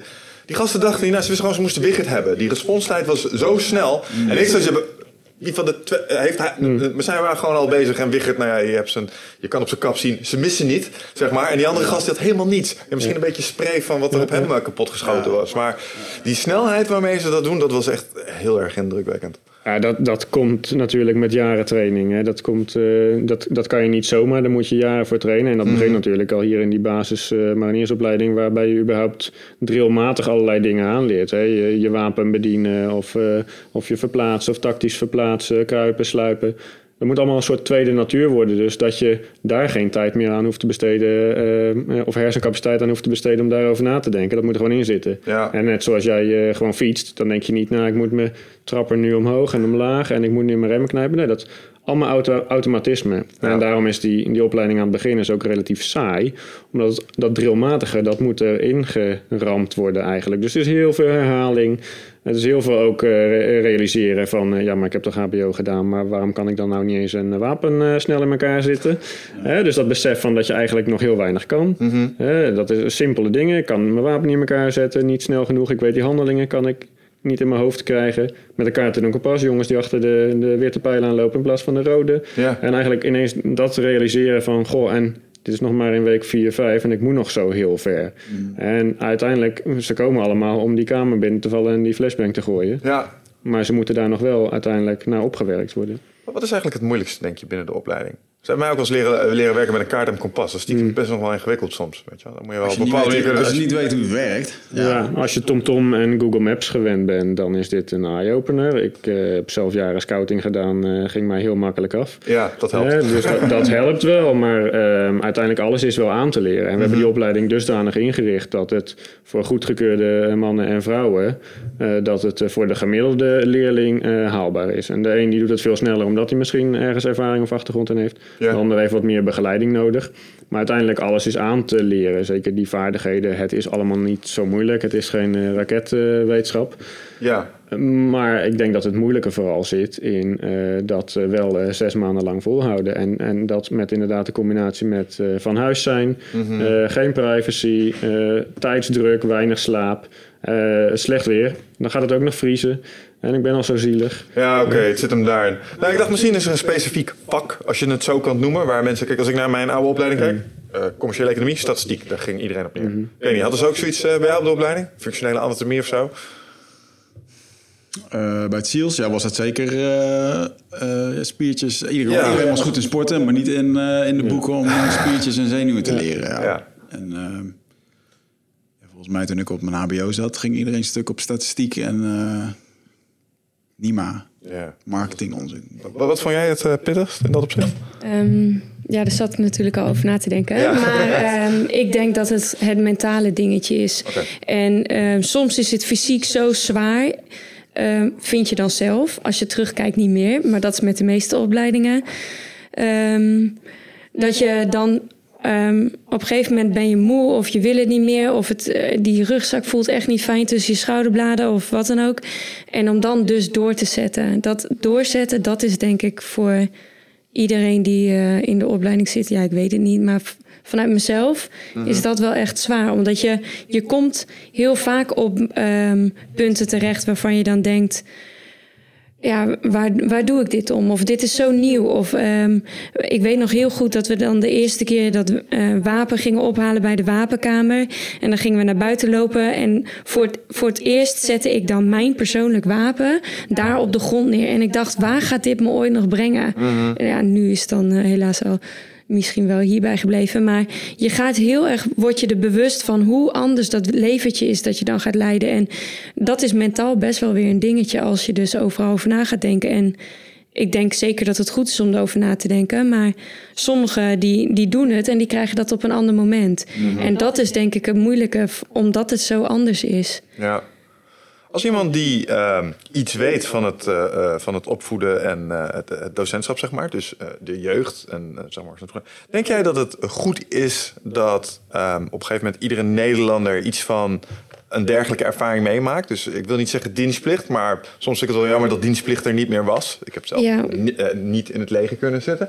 Ehm hoewel ik wel denk dat dat een heleboel goed zou kunnen brengen, door, mede door dit soort ervaringen. Denk ik ook. Ik denk echt, als ik alleen al naar mezelf kijk met het hele traject en naartoe. Kijk, nu heb ik wel voor iets heel hoogs gekozen en de lat heel hoog gelegd. Want het is natuurlijk een kleine eh eliteclub. Maar ehm, ik denk dat zo'n ervaring. Ik kwam ook terug super enthousiast van die driedaagse test. En ook al ehm, lukt het je misschien niet, alleen al even dat ervaren. En ik heb ook tegen mijn vriendinnen gezegd: het, ja, ik vind het zo mooi, zo'n mooie ervaring. Een vriendin van mij heeft toevallig net deze week voor de KCT geprobeerd, maar dit lukte niet. Maar goed, zij vond dat ook. Weet je, ze zei ook gelijk: ik had er meer van willen proeven. En, en ik heb nu vanaf januari al meegedraaid, dus ik heb echt wel wat gezien en ervaren. Maar ja, meer zou altijd goed zijn. Ja. Ja. Ik, ik vind het heel mooi en ik denk dat mijn vader zei vroeger altijd tegen ons, ehm, nou niet eigenlijk tegen mij, maar wel tegen mijn zus, je zou eens een poosje naar Afrika moeten. Dat, dat voorbeeld, ja, maar wel om, Zeg ik ook regelmatig. ja, maar ook om gewoon te ervaren hoe goed het hier is. Hoeveel we hebben. We hebben zoveel luxe. We, en heel veel mensen zijn zo materialistisch eigenlijk. En die beseffen niet eens wat we dan eigenlijk hebben en hoeveel we hebben. En dan, als je dan in zo'n opleiding zit of de dienstplicht zou hebben, dan maak je het wel mee, eh, dat mentale. En je moet het met elkaar doen. En eh, je hebt gewoon je rantsoentje. En heel veel vinden dat ook heel vervelend, het rantsoen. Maar nou, ik vond, ja, dan zit je daar in je, in je shellskrepen, hoe je dan moet liggen, zeg maar. En dan maak je je vuurtje aan en dan zit je lekker die zak te eten. Nou, dan, ja, oké, het is geen eh, culinair hoogstandje, maar. En, en daar kan je ook nog wel weer discussies over hebben, over de voeding die je krijgt. Maar toch, je zit dan wel even en je krijgt lekker wat warms en je gaat gewoon hele kleine dingen waarderen. Ja. Als het dan zo s'nachts vroren en het is koud en je moet wakker worden en je hebt wacht. Nou, sommigen gaan dan gelijk weer slapen, maar je hebt ook honger. Dus nou, dan heb je een uur wacht gelopen en dan kan je misschien nog maar een uur slapen. Maar toch ga je eerst even je lekker warme kopje thee drinken. En dat voelt gewoon heel lekker in je lijf. En dan ga je er lekker, ja, je bedje in en je waardeert gewoon hele andere dingen. Dat denk ik echt. En ik heb er maar, ja, wat ik zei, van dit jaar alleen maar bij meegelopen. Maar nou ja, een douche ook. Ja, zo luxe. En vroeger weet ik wel, dan ging ik ook heel lang onder de warme douche. En oh, lekker. En nu denk ik, nou, gewoon even is goed genoeg. En ja, je wordt er denk ik wel heel dankbaar van. Ja, snap ik. Ja. Hoe kijk jij je tegenaan, Jelle? Het, eh, het opnieuw instellen van eh, de dienstplicht? Nou ja, qua vorming denk ik inderdaad, uh, wat Mooske ook al zegt, dat dat heel waardevol is. En of dat nou een militaire dienstplicht of een maatschappelijke dienstplicht, gewoon het besef van iets voor iemand anders over hebben. Hè, uh, leren samenwerken, discipline, uh, en dat is alleen maar op tijd komen. Zorgen dat je er netjes uitziet. Mhm. Omgangsvormen ook. Een stukje ook opvoeding misschien wel. Hoe ga je met elkaar om? En ja. wat het taalgebruik alleen al, als je dat af en toe hoort in, in de tram of in de bus. dus wat dat betreft zou er nog wel een slag te, te maken zijn. Maar voor de rest denk ik dat we nu niet per se gelijk naar een militaire dienstplicht uh, moeten willen, omdat het ook gewoon heel veel geld kost uiteindelijk. Ja, ja, ja, het zijn mensen die je sowieso van de arbeidsmarkt haalt. Je moet erin investeren in opleiding, in training, in uitrusting, munitie, et cetera. Mm. Um, en dan denk ik, hè, het gaat nu wel weer de betere kant op met Defensie, maar laten we dan eerst investeren in uh, het beroepspersoneel. Mm -hmm. en, en vooral in salarissen, in toelagers in het materieel, eh, de spullen waarmee ze moeten werken. Laten we dat dan weer op orde krijgen, eh, voordat we dan aan zoiets zouden moeten beginnen. Ja, ja en, daarnaast, ik denk dat ik daar ook een bias heb. Want eh, wij zijn in dat op zich wel defensiefetischisten. We vinden dat ook een mooi bestaan. Weet je wel, dat lijkt, ja, het spreekt ons aan. Kijk ook naar de mensen die we erover spreken en dat soort mm. dingen. ik denk dat dat ook niet voor iedereen zo is. Ik bedoel, ik kan zo een paar mensen uit mijn omgeving oproepen. Of ik denk, nou, als je die daar neerzet, die gaat daar geen waarde uit halen. Die gaat er alleen maar de kont tegen de krip mee gooien. En dat wordt een hele vervelende ervaring voor iedereen. Dus stel je dan ook de vraag, zou je met die mensen de oorlog in willen gaan? Ja, precies. ja. ja, dat is niet... Uh, ja. Maar ik denk wel dat het bijdraagt aan uh, uh, discipline en zo. Maar natuurlijk vanuit jouw uh, um, pedagogische ehm, achtergrond... heb jij dan ook wel eens met een schuin oog gekeken naar instructeurs... of naar hoe, hoe je werd opgeleid daar? ja, eigenlijk wel. Ja. Um, over heel veel dingen was ik eigenlijk blij verrast. Want ik weet natuurlijk van tevoren, ik ga in zo'n mannenwereldje terechtkomen. Um, ik weet dat het hard is, um, maar het heeft een doel. Het is niet uh, zomaar om iemand af te schreeuwen of zo. Het is soms denk ik wel van ja, um, misschien niet helemaal de goede aanpak. Maar goed, dat, als het goed is. En wat ik weet, ik heb ook veel met mijn major gesproken. Omdat uh, we gingen dan voor een oefening in, naar Duitsland. Toen moesten we zeven uur rijden. En dan zat ik bij hem in de auto de terugweg. Dus heb ik heel veel ook gesproken. En ook dat uh, instructeurs worden ook gewoon uh, opgeleid, krijgen cursussen. Maar goed, het zijn geen lerarenopleidingen of zo. Ja. En zij zijn ook um, corporaal of sergeanten. En zij doen het denk ik toch een beetje op de manier hoe zij het misschien ook aangeboden hebben gekregen. Maar ik zat. Kijk, elk kaderlid in principe biedt hetzelfde aan. Maar het is toch op welke manier het gaat. En bij mij um, was het heel open en rechtvaardig, mijn instructeurs. Dus we kregen ook wel eens een complimentje. Nou, dat had ik van tevoren helemaal niet verwacht van dit wereldje. Ja. Maar dat, dat vind ik heel goed. En dat is ook waar jongens, de mannen, zeg maar, ook iets aan hebben. En af en toe een opmerking ja, is niet helemaal gepast. Of dan wordt er een grapje gemaakt. En dan denk ik, nou, is gewoon niet helemaal nodig. En ik snap wel dat dat bij mannen onderling gebeurt. Maar vorige week heb ik het ook nog met een jongen uit mijn klas over gehad. En die was als eerste binnen met een opdracht, met zo'n KK-opdracht. Daar heb je dan 2,5 uur de tijd voor. Hij was in een uur en een kwartier binnen. En hij praat gewoon een beetje relaxed, weet je wel. Zo is hij. En um, ik, ik, ken hem dan een beetje. En voor een kader is het ook lastig, want ze kennen die jongens ook nog maar net. Mhm. Maar ik sla bij ze op de kamer. Ik heb gesprekken met die mannen gehad.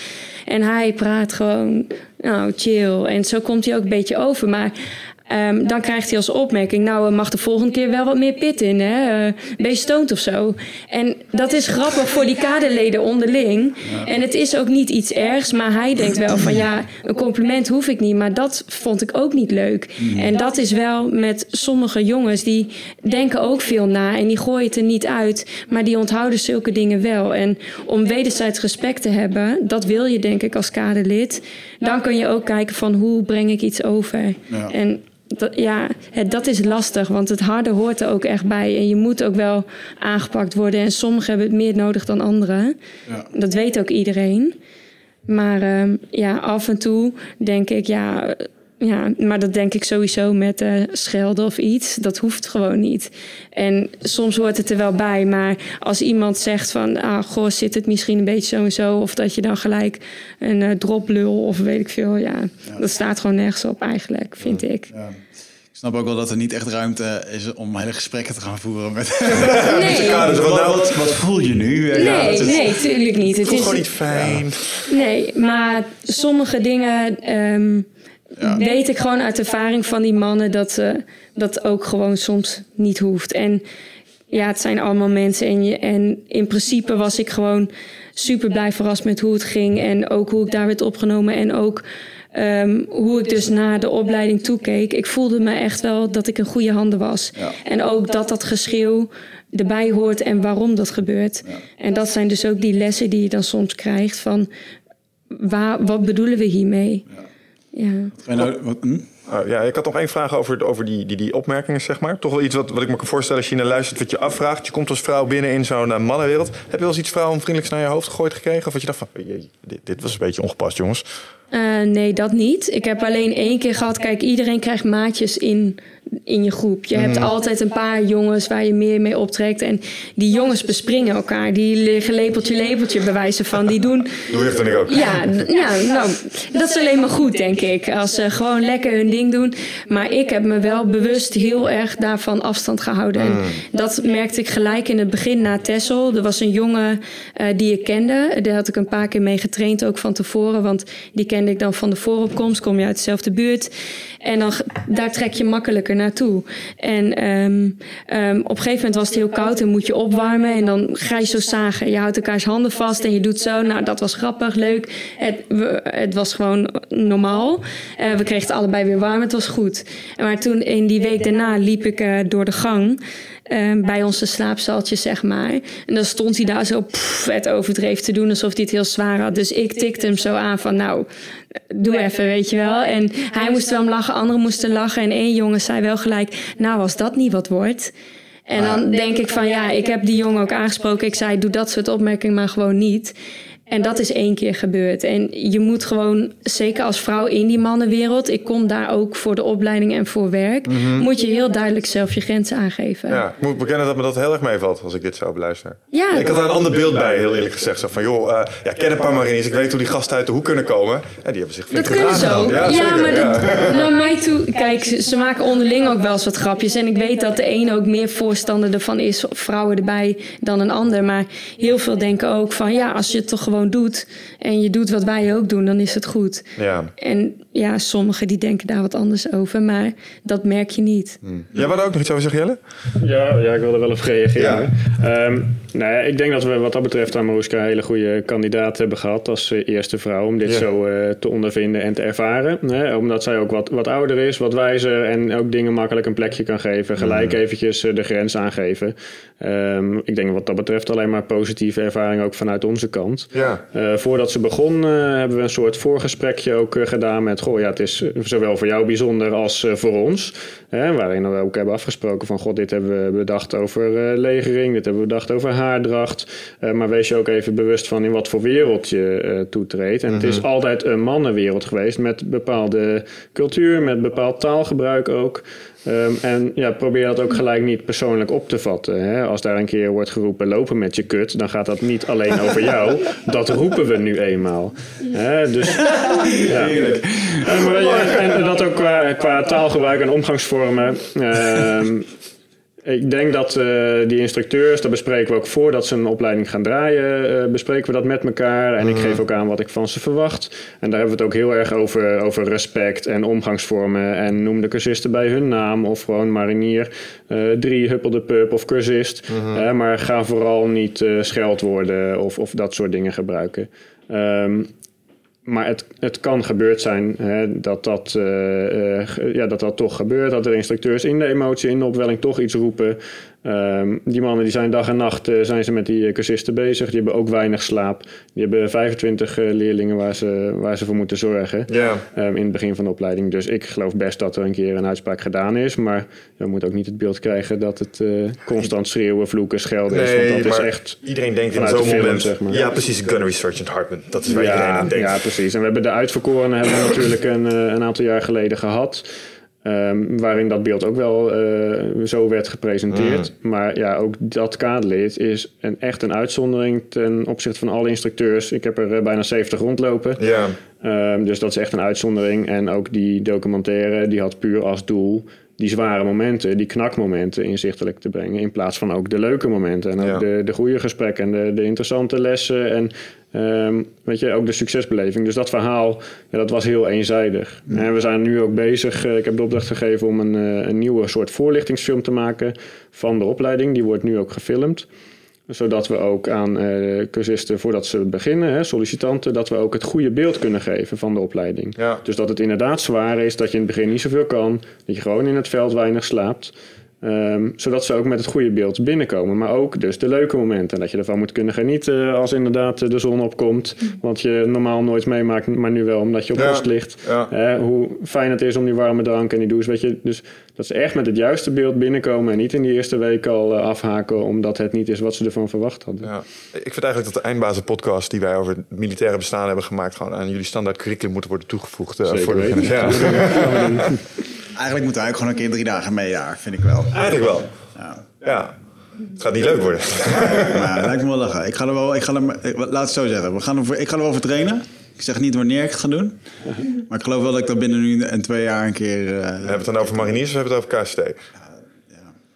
nu, moet ik, nu moet ik op gaan Nu moet je gaan kiezen. Ja, nou, dan worden Ja, mensen ja. boos. Ja, kijk, het Korps Commandotroepen was natuurlijk wel de eerste met de aanbieding. Dus die, eh, dat leek me nog, eh, ook een bijzondere wereld, weet je wel. Ik vind sowieso dat we nog een keer uitgenodigd moeten worden bij het KST om dingen op te blazen.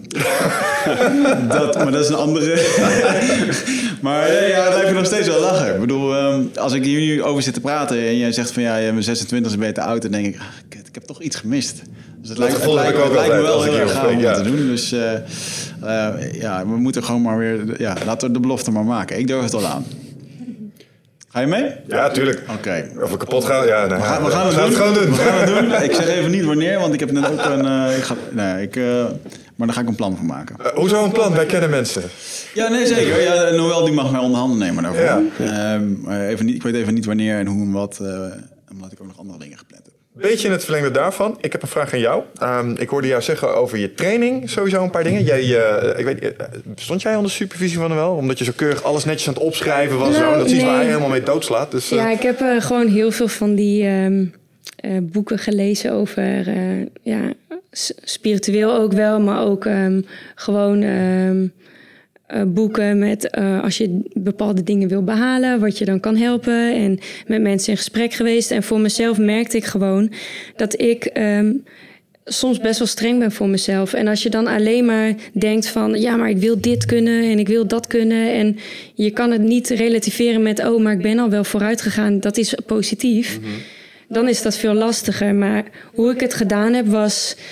Nou, eerst in mijn hoofd bedacht, ik ga ervoor trainen... en ik sportte altijd al wel, maar niet...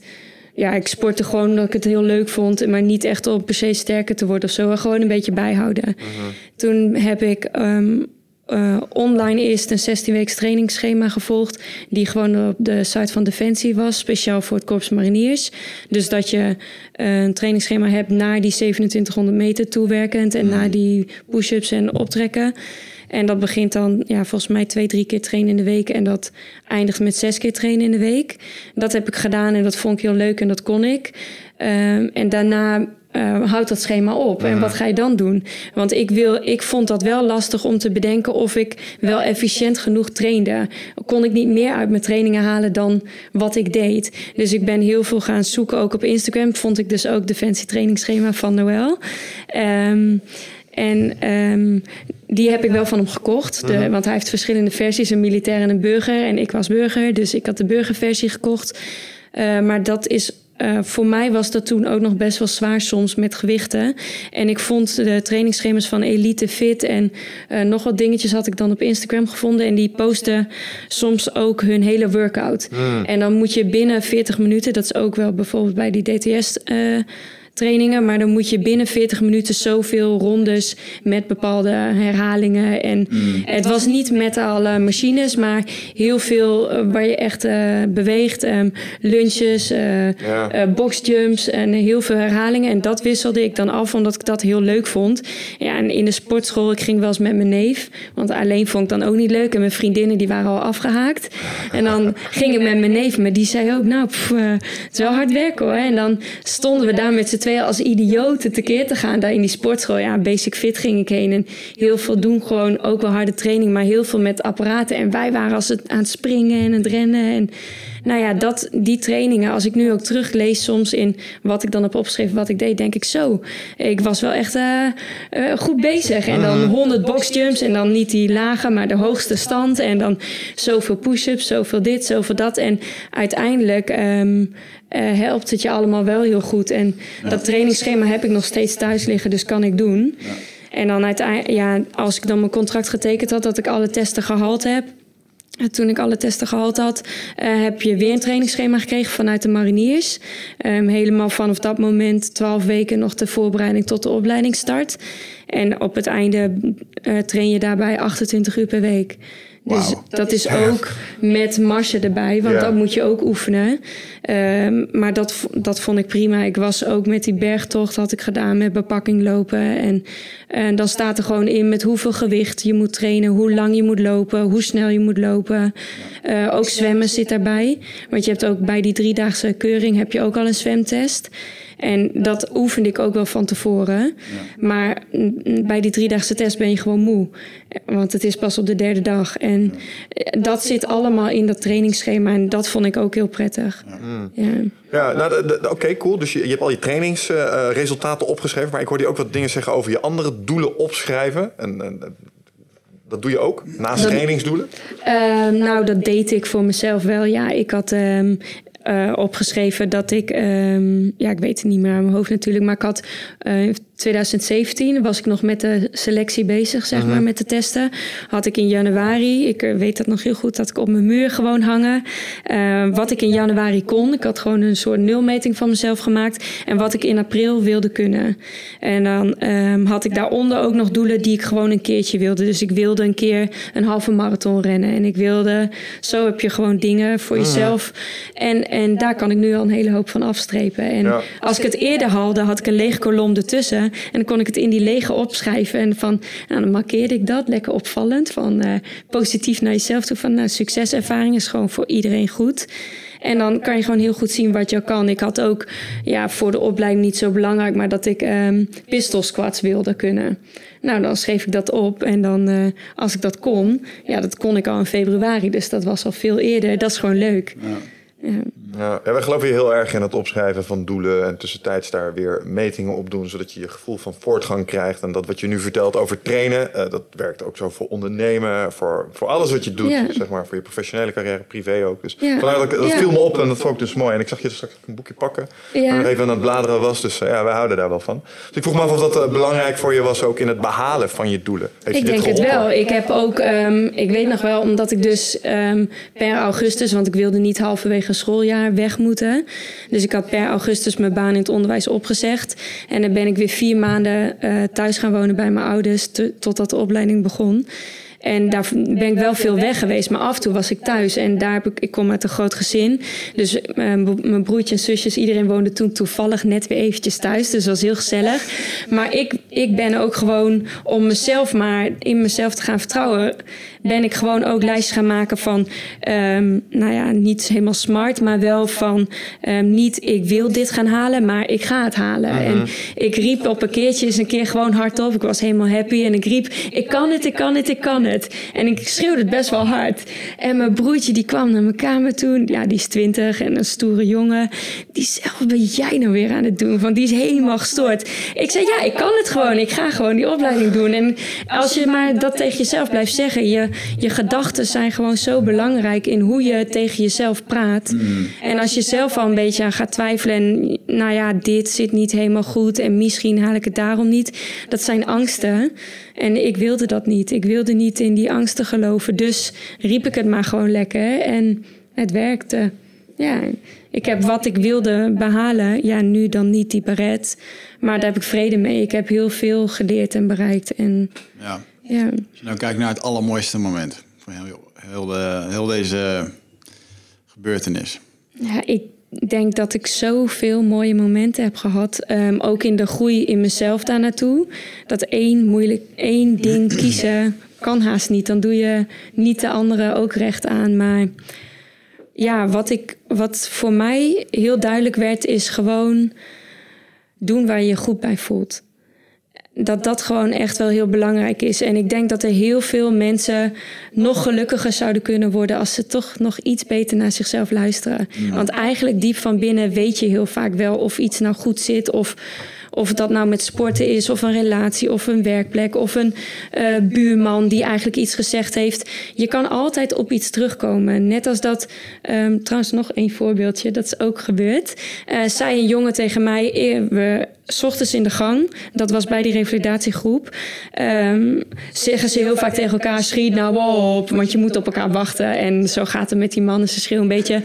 Ik deed dat nooit, want ik ben rustig en ik bemoeide me daar niet mee. Maar op een gegeven moment zei ik ook tegen jongen, had ik bij in de klas gezeten, die was ook uitgevallen. Uh, zat, zei ik, schiet nou op. En toen kreeg ik gelijk, hallo, je bent mijn moeder niet. En toen dacht ik, oh, ik wist niet zo goed wat ik ermee aan moest. Hè?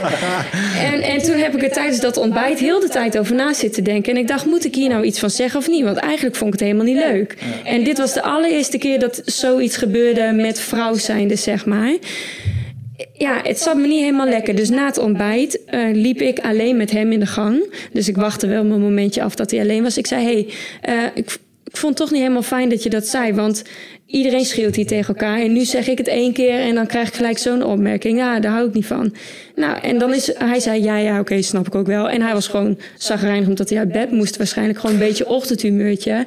Maar dat gewoon voor jezelf en naar jezelf luisteren. En ook al gebeurt er iets of een situatie wat niet helemaal fijn is, je kan er echt altijd op terugkomen. En als dat voor jezelf goed voelt, daarna was het opgelost en zat het niet meer in mijn hoofd. En als je naar jezelf luistert, dan zitten geen nare dingen in je hoofd. En, ja. Schemert hier ook wel een beetje jouw interesse in uh, de boeken die je hebt gelezen door? Je, je zei daar straks al iets van, uh, ik heb best wel wat boeken gelezen, ook wel spirituele boeken. Ja. Dit klinkt allemaal best wel mindful. Ja, ik vind dat heel leuk om mee bezig te zijn. En ik heb nu zelf gemerkt dat als je dus daarmee bezig bent dat het je ook wel ergens kan brengen. Mhm. En dat je dus, wat ik tegen die kinderen op school hoor je heel vaak met kinderen, ja, je moet gewoon doen wat je wil. En dan denk ik, ja, doe je het zelf wel. En dan ja. daardoor met, met kinderen ga je heel vaak, als je goed naar ze kijkt, realiseren van.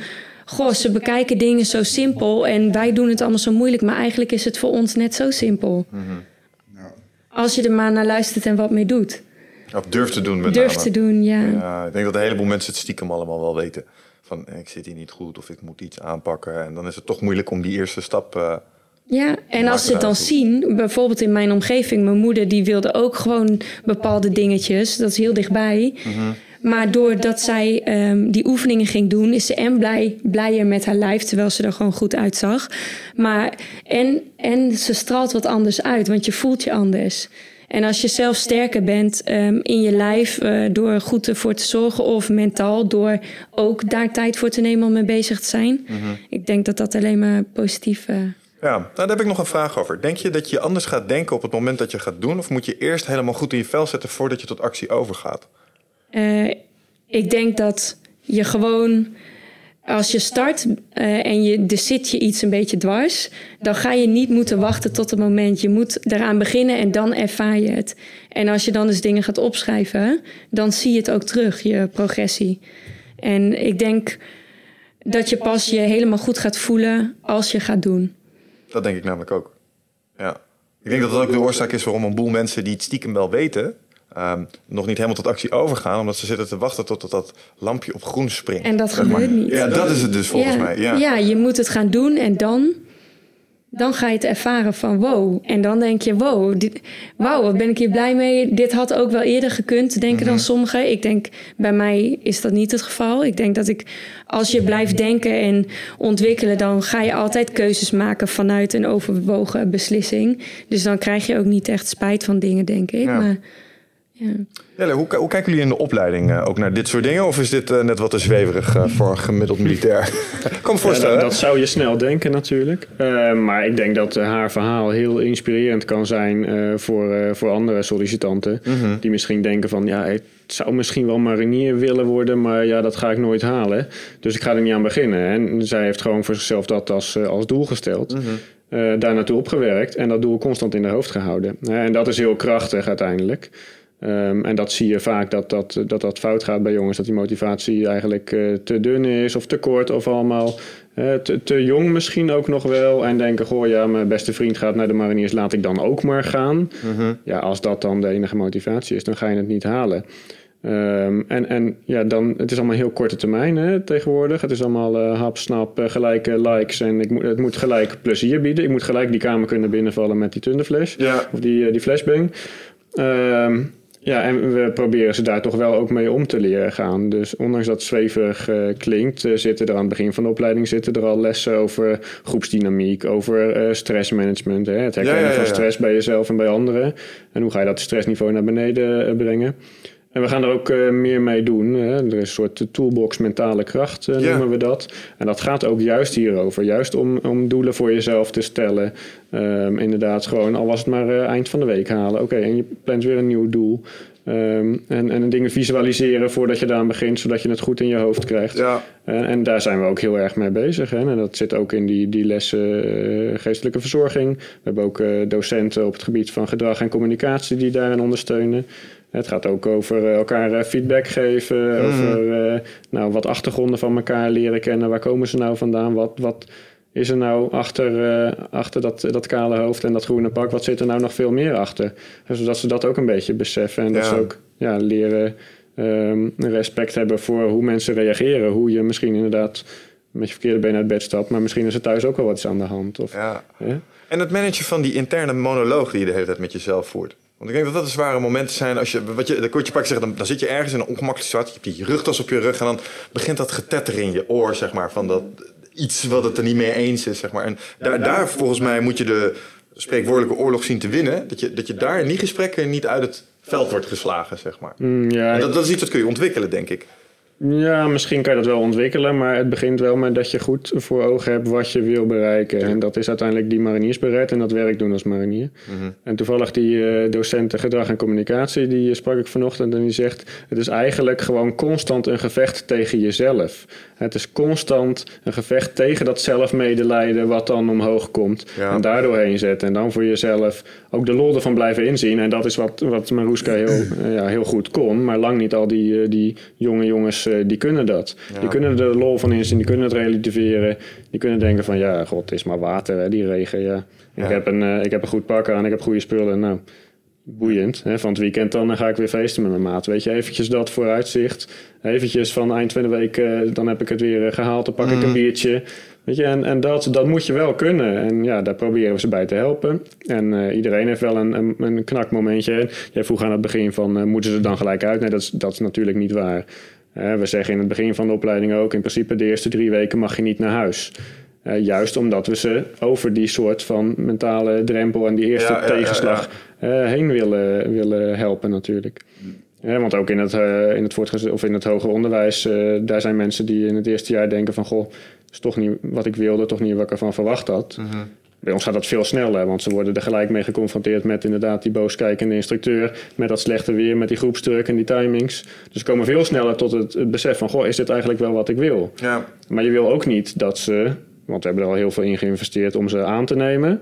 we hebben ze misschien al een aantal weken opgeleid. Je wil niet Mhm. dat ze dan gelijk in de eerste emotie zeggen, ik stop ermee, stap maar in de bus en... Uh, en je staat morgen weer op straat. Is dat een voorspelbaar patroon? Zeg maar dat iedereen zo'n beetje in die drie weken, er zit allemaal zo'n, dan komen we allemaal even op dat Mm. dieptepunt. En als je ze dan allemaal hun gemoed te, uh, te werk zou laten gaan, dan gaan ze allemaal naar huis. Dan gaan ze allemaal weg en dan Ja. heeft er eentje heimwee, dan hebben er uh, vier heimwee. Het steekt elkaar ook aan en het is vaak ook, uh, nou, hij is in ieder geval de eerste, dan ben ik niet meer de eerste die, uh, die stopt. En als de eerste gaat, dan gaan er meer Ja, vaak. dan gaan er vaak Ja, meer. precies. Dus ja. zeker in het begin, dan, eh, dan proberen we dat echt tegen te houden. Tenzij iemand echt doodongelukkig is, iedere dag eh, tranen met En dat heeft ook weer zijn invloed op de groep. Ja, dan zeggen we misschien wel van, goh, dit, dit gaat niet werken. Maar over het algemeen proberen we ze daar over de eerste drie weken heen te helpen. Ja. En dan zie je eigenlijk steeds na een week in het veld. Een week op de kazerne valt wel mee. Hè? Dat is gewoon lesjes volgen. Je slaapt in je bed. Eh, maar een week in het veld, daar, en dan, gaan ze weer, eh, dan hebben ze het weer moeilijk. Dan hebben ze weer regen, dan hebben ze weer weinig slaap. En dan komen ze al heel snel, zeker in die eerste eh, oefeningen in het veld, van ja, ik vind het niet leuk. Hè, dus dan zeggen we oké, dat is heel goed. Je wil nu stoppen. Je gaat sowieso eerst de week afmaken. Ja. En als je de week hebt afgemaakt op vrijdag, dan ga je eerst eens even naar huis. Dan laat je het dus allemaal bezinken. Praat je daar thuis over en pas maandag willen we weer horen. dan zie je dat er wel iedere maandag, zeker aan het begin van de opleiding, staan er steeds twee, drie, vier. Nou, afgelopen maandag de nieuwe opleiding stonden er zes. Ja, en dan, dan heb je dat al allemaal gedaan. Hè? Dus je hebt ze al een keer teruggestuurd, niet, niet horen, ik wil je niet horen. Uh, en je hebt ze al de week laten afmaken, je hebt ze al het weekend. Maar ja, op een gegeven moment dan zit ik dat zo dat in je dat, hoofd. Dat dat wel helpt hoor. Als je instructeurs hebt die helemaal, ah, jochie toch, weet je wel. Ja, is ook heel zwaar, weet je wel. Dat, dat gaat niet helpen. Ik denk dat het heel erg helpt als er dan iemand een beetje nors staat te kijken van, waar heb je het over? Kom, ga terug de tent in. Dus dat zou bij mij wel heel goed werken. Heb ik heb heimwee alleen nooit goed begrepen. Dat is ik me dus net af te vragen. Nooit, dat is blijkbaar een ding. Vroeger werd ik door mijn ouders op, kamp gestuurd. Ging ik een week zeilen mm -hmm. of zo'n survival in Ardennen en dat soort dingen. Eigenlijk deed ik gewoon een marineer shit toen ik was. Maar uh, dat er echt gewoon uh, ja, mensen na drie dagen uh, helemaal in paniek dat ze thuis misten. En weet je, zelfs zes weken bij een Indiaanse stam waar geen elektriciteit was, heb ik het prima naar mijn zin gehad. Ja, heb ik momenten gehad dat ik dacht, nou, ja. zou het fijn zijn om een warme douche te hebben. Maar um, nou ja, ik vind het wel je weet dat je weg bent, je weet dat je ervoor hebt gekozen en dan is dat gewoon prima. Ik heb nooit. Ah, er zijn, kijk, jij hebt dat gedaan. Ik ging met scouting ging ik ook op kamp en ik ging kamperen, maar er zijn genoeg jongens die dat nog nooit gedaan hebben of, of meisjes. Ja. die hebben misschien nog nooit gekampeerd, die zijn alleen maar all-inclusive op vakantie geweest. Ja, ja, dat bestaat, of die zijn nog zo jong dat ze überhaupt nooit Ehm, op vakantie of de stad uit zijn geweest. Of de provincie uit zijn geweest. dus ja, dan kan je in de selectie kan wel vragen: heb je last van heimwee? Nou, nee, ik heb nog nooit last van heimwee gehad. Nee, dat klopt, want ze hebben nog nooit zo'n situatie gehad. Ja, en ja, dat word je ineens in de opleiding mee geconfronteerd. Van, niet per se het missen van papa en mama, maar het is ook het missen van alle leuke dingen die je vrienden wel doen. De festivals en de vrijheid eh, die ze hebben en het gamen wat ze altijd uh, deden. Mm. Weet je, dat, dat hele missen. En vaak is dat, uh, dat sowieso hoor, met, uh, met jongens die zelf de handdoek in de ring gooien, is het vaak een combinatie van factoren. Uh, dus het is en dat missen, het is ook vaak toch wel fysiek achterlopen. Ja. Ehm, ja, misschien ook wel een, een, een vriendin die zegt van ik heb liever niet dat je marinier wordt. of geen steun van de ouders. Of, ja, of het juist alleen maar doen omdat papa graag wil dat ze ook marinier worden. Ja. dus ja, je ziet dat er vaak wel een combinatie van factoren is waarom mensen stoppen. Ik weet niet hoe jij dat ervaren Ja. Nou, dat herken ik wel allemaal heel erg. Want um, ik zeg ook wel eens. Ja, ik weet natuurlijk niet hoe het allemaal gekomen is, maar ik ben opgegroeid op een boerderij. En ik ben van jongs af aan um, ermee opgegroeid dat ik moest helpen. En dan, buiten is het ook koud in de stal. En uh, je moet dan ook vroeg opstaan om papa te helpen. En elk weekend moesten wij een keer koeien melken tot ons 21ste, want het hoorde bij de opvoeding. Ja, dan denk je op je 18 ook, ja hallo, uh, waarom moet dat altijd maar? En ik zeg niet dat het daardoor komt dat, dat ik wel dacht, maar ik denk wel uiteindelijk alles in mijn leven dat ik dus um, in Amerika ben geweest in zo'n klein dorpje in the middle of nowhere, um, waar ze gingen jagen en dat meer in de natuur en dat harde werk op de boerderij. En dan had ik op zaterdag mijn bijbaantje en daar moest ik ook om zeven uur s ochtends zijn. Moest ik eerst een half uur fietsen. Nou, dan om vier uur ging die winkel dicht. Het was dan een slagerij. Ik heb ook wel wat vrouwelijkere baantjes gehad, maar ook dat. Want dat is ook gewoon sjouwen met die bakken. Allemaal koud. Het wordt de hele dag gekoeld, dus het is daar koud. Uh, zwaar vlees. En dan moest ik op de fiets. Om half vijf mocht ik dan wel weg, want dan kon ik op de fiets brood eten. Kwam ik thuis, ging gelijk weer in de stal de koeien melken. En dan kwam ik om uh, negen uur zeg maar in huis, ging super snel douchen. Was ik om half tien bij een vriendin. En dan zei ze, oh ben je er nu pas? En dacht ik, ik heb heel de dag gewerkt. En, en dat maakt je wel hard. En dat heeft mij toch wel dat karakter en doorzetten. En dan soms hoefde ik dan niet op zaterdagavond voordat we naar een feest gingen te melken, maar dan moest het zondags. Nou, dan ben je helemaal brak, want ja, ik ben ook gelovig opgevoed, dus ik moest zondagochtend ook mee naar de kerk. Nou, dan heb je misschien een uurtje op je bed gelegen, want je moest ook weer helpen. En dan uh, heb je, ja, s'avonds een man, s ochtends een man, zei mijn vader dan.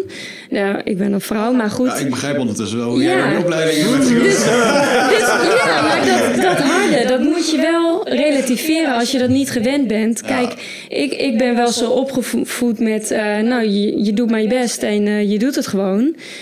Maar ja, als je dat nooit hebt meegekregen, dat snap ik echt wel. Dat die, die stap is super groot. En dat moet je wel realiseren als je eraan begint ja, het is ook niet voor iedereen. Daarom zijn er ook zo weinig. En, uh, maar het is, dat is echt zo. Ja, ik, uh, ik zit een beetje te kijken naar mijn eigen... Ik snap ook wel in mijn eigen opvoeding. Uh, merk ik af en toe, mijn vader is overleden. Twee maanden na mijn geboorte. En ik, ik weet dat er momenten in mijn leven zijn geweest dat ik af en toe eh, die schop onder mijn reet van mijn vader heb gemist, weet je wel. Eh, het is wel heel kenmerkend voor, eh, ook als ik er meer boeken over heb gelezen, hoe dat, wat voor invloed dat het, eh, dat het eh, op je heeft. En ehm, sowieso, nu met de kleine die ik heb, de eerste zeven jaar word je al eigenlijk helemaal volgeprogrammeerd met hoe jij bent. Dus als jij de eerste zeven jaar wordt, op wordt, eh, opgroeit in een omgeving waar alleen maar gewerkt wordt en waar dat normaal is om te doen, dan, dan zit dat wel in je systeem. Ja. En ik Ja, hoor dat dat er bepaalde voordelen aan kleven als eh, dat de omgeving Nou ja, niet gewend bent. Ja, Ja, toen mijn vader overleed, moest mijn moeder hard gaan werken om centen te verdienen. Dus eh, misschien dat het daar uitkomt. Je eigen. Ja, ja, ja, ja, ja. Uiteindelijk is mijn moeder ook wel een disciplinemachine. Dus, eh, ja. Maar je, je leert ook van dat je niet altijd eh, die luxe kan hebben of zo. Of dat het allemaal maar lijkt dat iedereen alleen maar aan het chillen is. Maar dat gaat niet zomaar. En dat zeggen ze bij de mariniers ook altijd. Hard werken, hard ontspannen.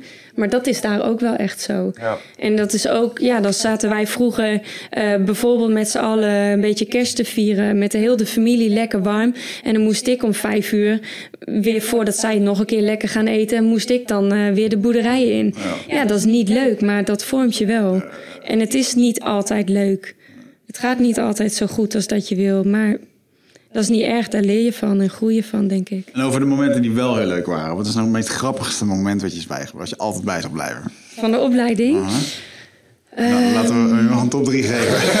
Ja, dat is ook weer zo lastig, hè? Ehm, ja, ik, ik weet niet. Een heel mooi momentje vond ik dus wel ehm, dat ik me zo fijn voelde met een, een aantal mannen was ik toen. Dat je, we, la- we lagen dan eh, met de revalidatiegroep was dat. Lagen als oefenvijand. ehm, eh, moesten we wachten, even in de hei. En we zaten zo te kletsen totdat die anderen zeg maar kwamen. En dan eh, zaten we gewoon heel relaxed daar lekker in het zonnetje, wel helemaal in camo. En dan zaten we een beetje gewoon te praten en echt persoonlijke dingen te delen. Nou, die gesprekken, dat vergeet ik niet. En ehm, hoe mannen onderling dan over de kleinste dingen domme grapjes kunnen maken. En dat is gewoon heel leuk en gezellig. En ja, je, hebt, je hebt echt heel veel mooie momenten. Komt toch allemaal een beetje terug op de groepsdynamiek. Ja, maar je doet het ook met elkaar. Ja. Ja, Mooi. ja je, zit, je zit met elkaar in hetzelfde schuitje. En daarom ging het denk ik ook prima met mij erbij. Want die eh, mannen waarbij ik in de klas zat, die zijn niks anders gewend dan dat ik erbij was. En ja, dan groei je met elkaar en je weet van iedereen, die heeft, een, die heeft nu een zwaar moment, die heeft dan... Iedereen herkent het ook van elkaar. Dus als je dat een beetje kan delen, dat is wat sommige mannen misschien lastig vinden, dingen delen. Maar als je dat doet, het zorgt wel voor iets heel hechts. Ja. Ja. ja, interessant. Ik hoor het al. Het is echt een prachtig beroep om te kiezen. En eh, er zit echt veel waarde in ook. Als je dit hebt gedaan, dit vergeet je nooit meer. Ik bedoel, Nee. eh, je militaire carrière vormt je denk ik ook voor het leven. Eh, ja, jij hebt al een bepaalde vorming meegekregen natuurlijk. Maar stel je zou eh, een iets pluiziger leven gewend zijn... en je weet dit allemaal te doorstaan. Ja, dat, dat, is, eh, dat zijn instrumenten en eh, een bepaalde mindset... die je voor de rest van je leven op betere plekken gaat brengen. Daar ben ik echt van overtuigd. Ja. ja, ik denk dat ook wel. Kijk, wat je ook ziet, zeker bij het, bij het Korps Mariniers, we hebben het dan niet over ex-mariniers, maar over oud-mariniers. hè. Eens marinier, altijd marinier, dat is Ja. ook zo'n mooie kreet. Maar dat, dat zie je ook echt je, je, in, in online communities of, eh, of, of contact oud-mariniers. Ehm, ja, er zit zo'n hechte eh, betrokkenheid nog bij het korps. Ook al zijn ze er al eh, 20 of 30 of 40 jaar uit. Hè, ze hebben altijd nog dat ze marinier zijn en die baret hebben. En dat, dat is daar zo in.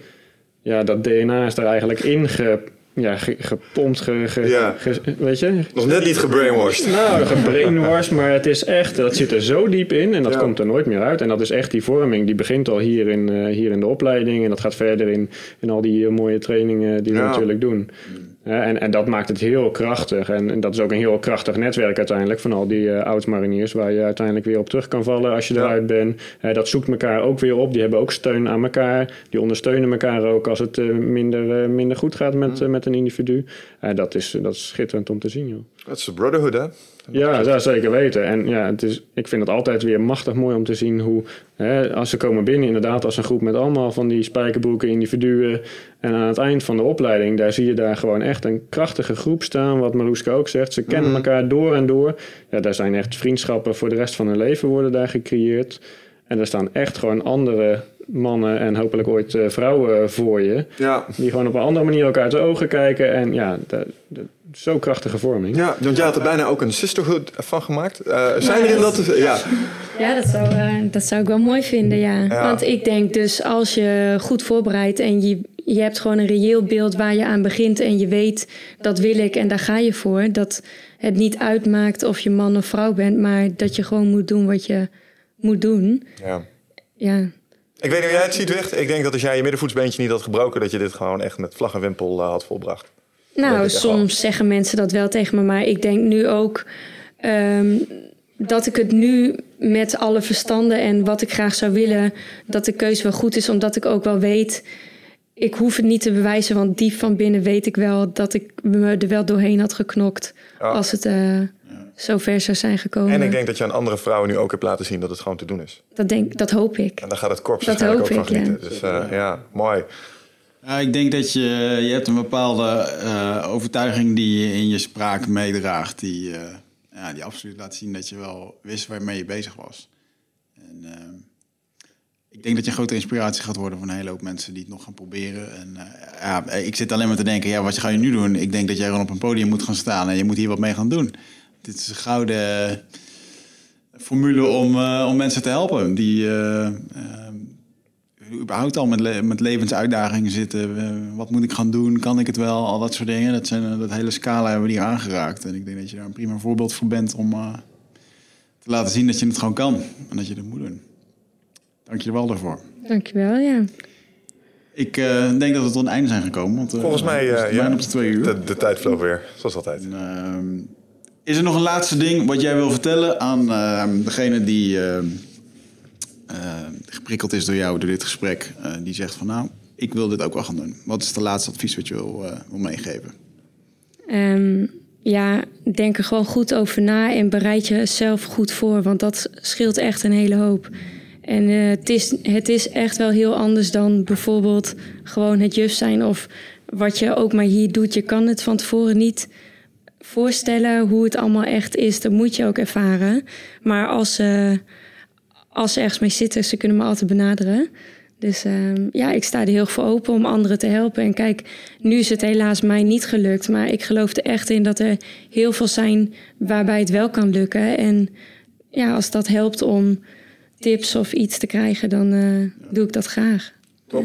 Heb ik nog een laatste vraag voor Jelle. Stel, uh, je zit dit te beluisteren en je denkt, holy shit, I gotta get in on this. Waar gaan mensen naartoe als ze hiermee willen starten? Dit, uh, nou, dit het liefst zo, zoveel mogelijk, want we hebben heel veel nieuwe mariniers nodig die allemaal dezelfde mindset hebben als Maruska. Man, vrouw, maakt mij niet uit als het mm. tussen die oren maar goed zit. Zorg dat je ook fysiek goed laat, laat voorbereiden of begin je wilt te trainen. Mm. maar hou vooral dat doel voor ogen dat die, die beret, dat je die op wil zetten. En dat is echt haalbaar. Er zijn er genoeg uh, voor gegaan. Uh, die gaan naar uh, werken bij defensie.nl. Yes. Daar staan de vacatures en inderdaad de trainingsschema's. En dan gaat het helemaal goed komen. Ik zie ze graag komen. Ja, dat geloof ik graag. Wij ook. Alright. Dankjewel voor jullie komst. Tot de volgende weer. En ciao.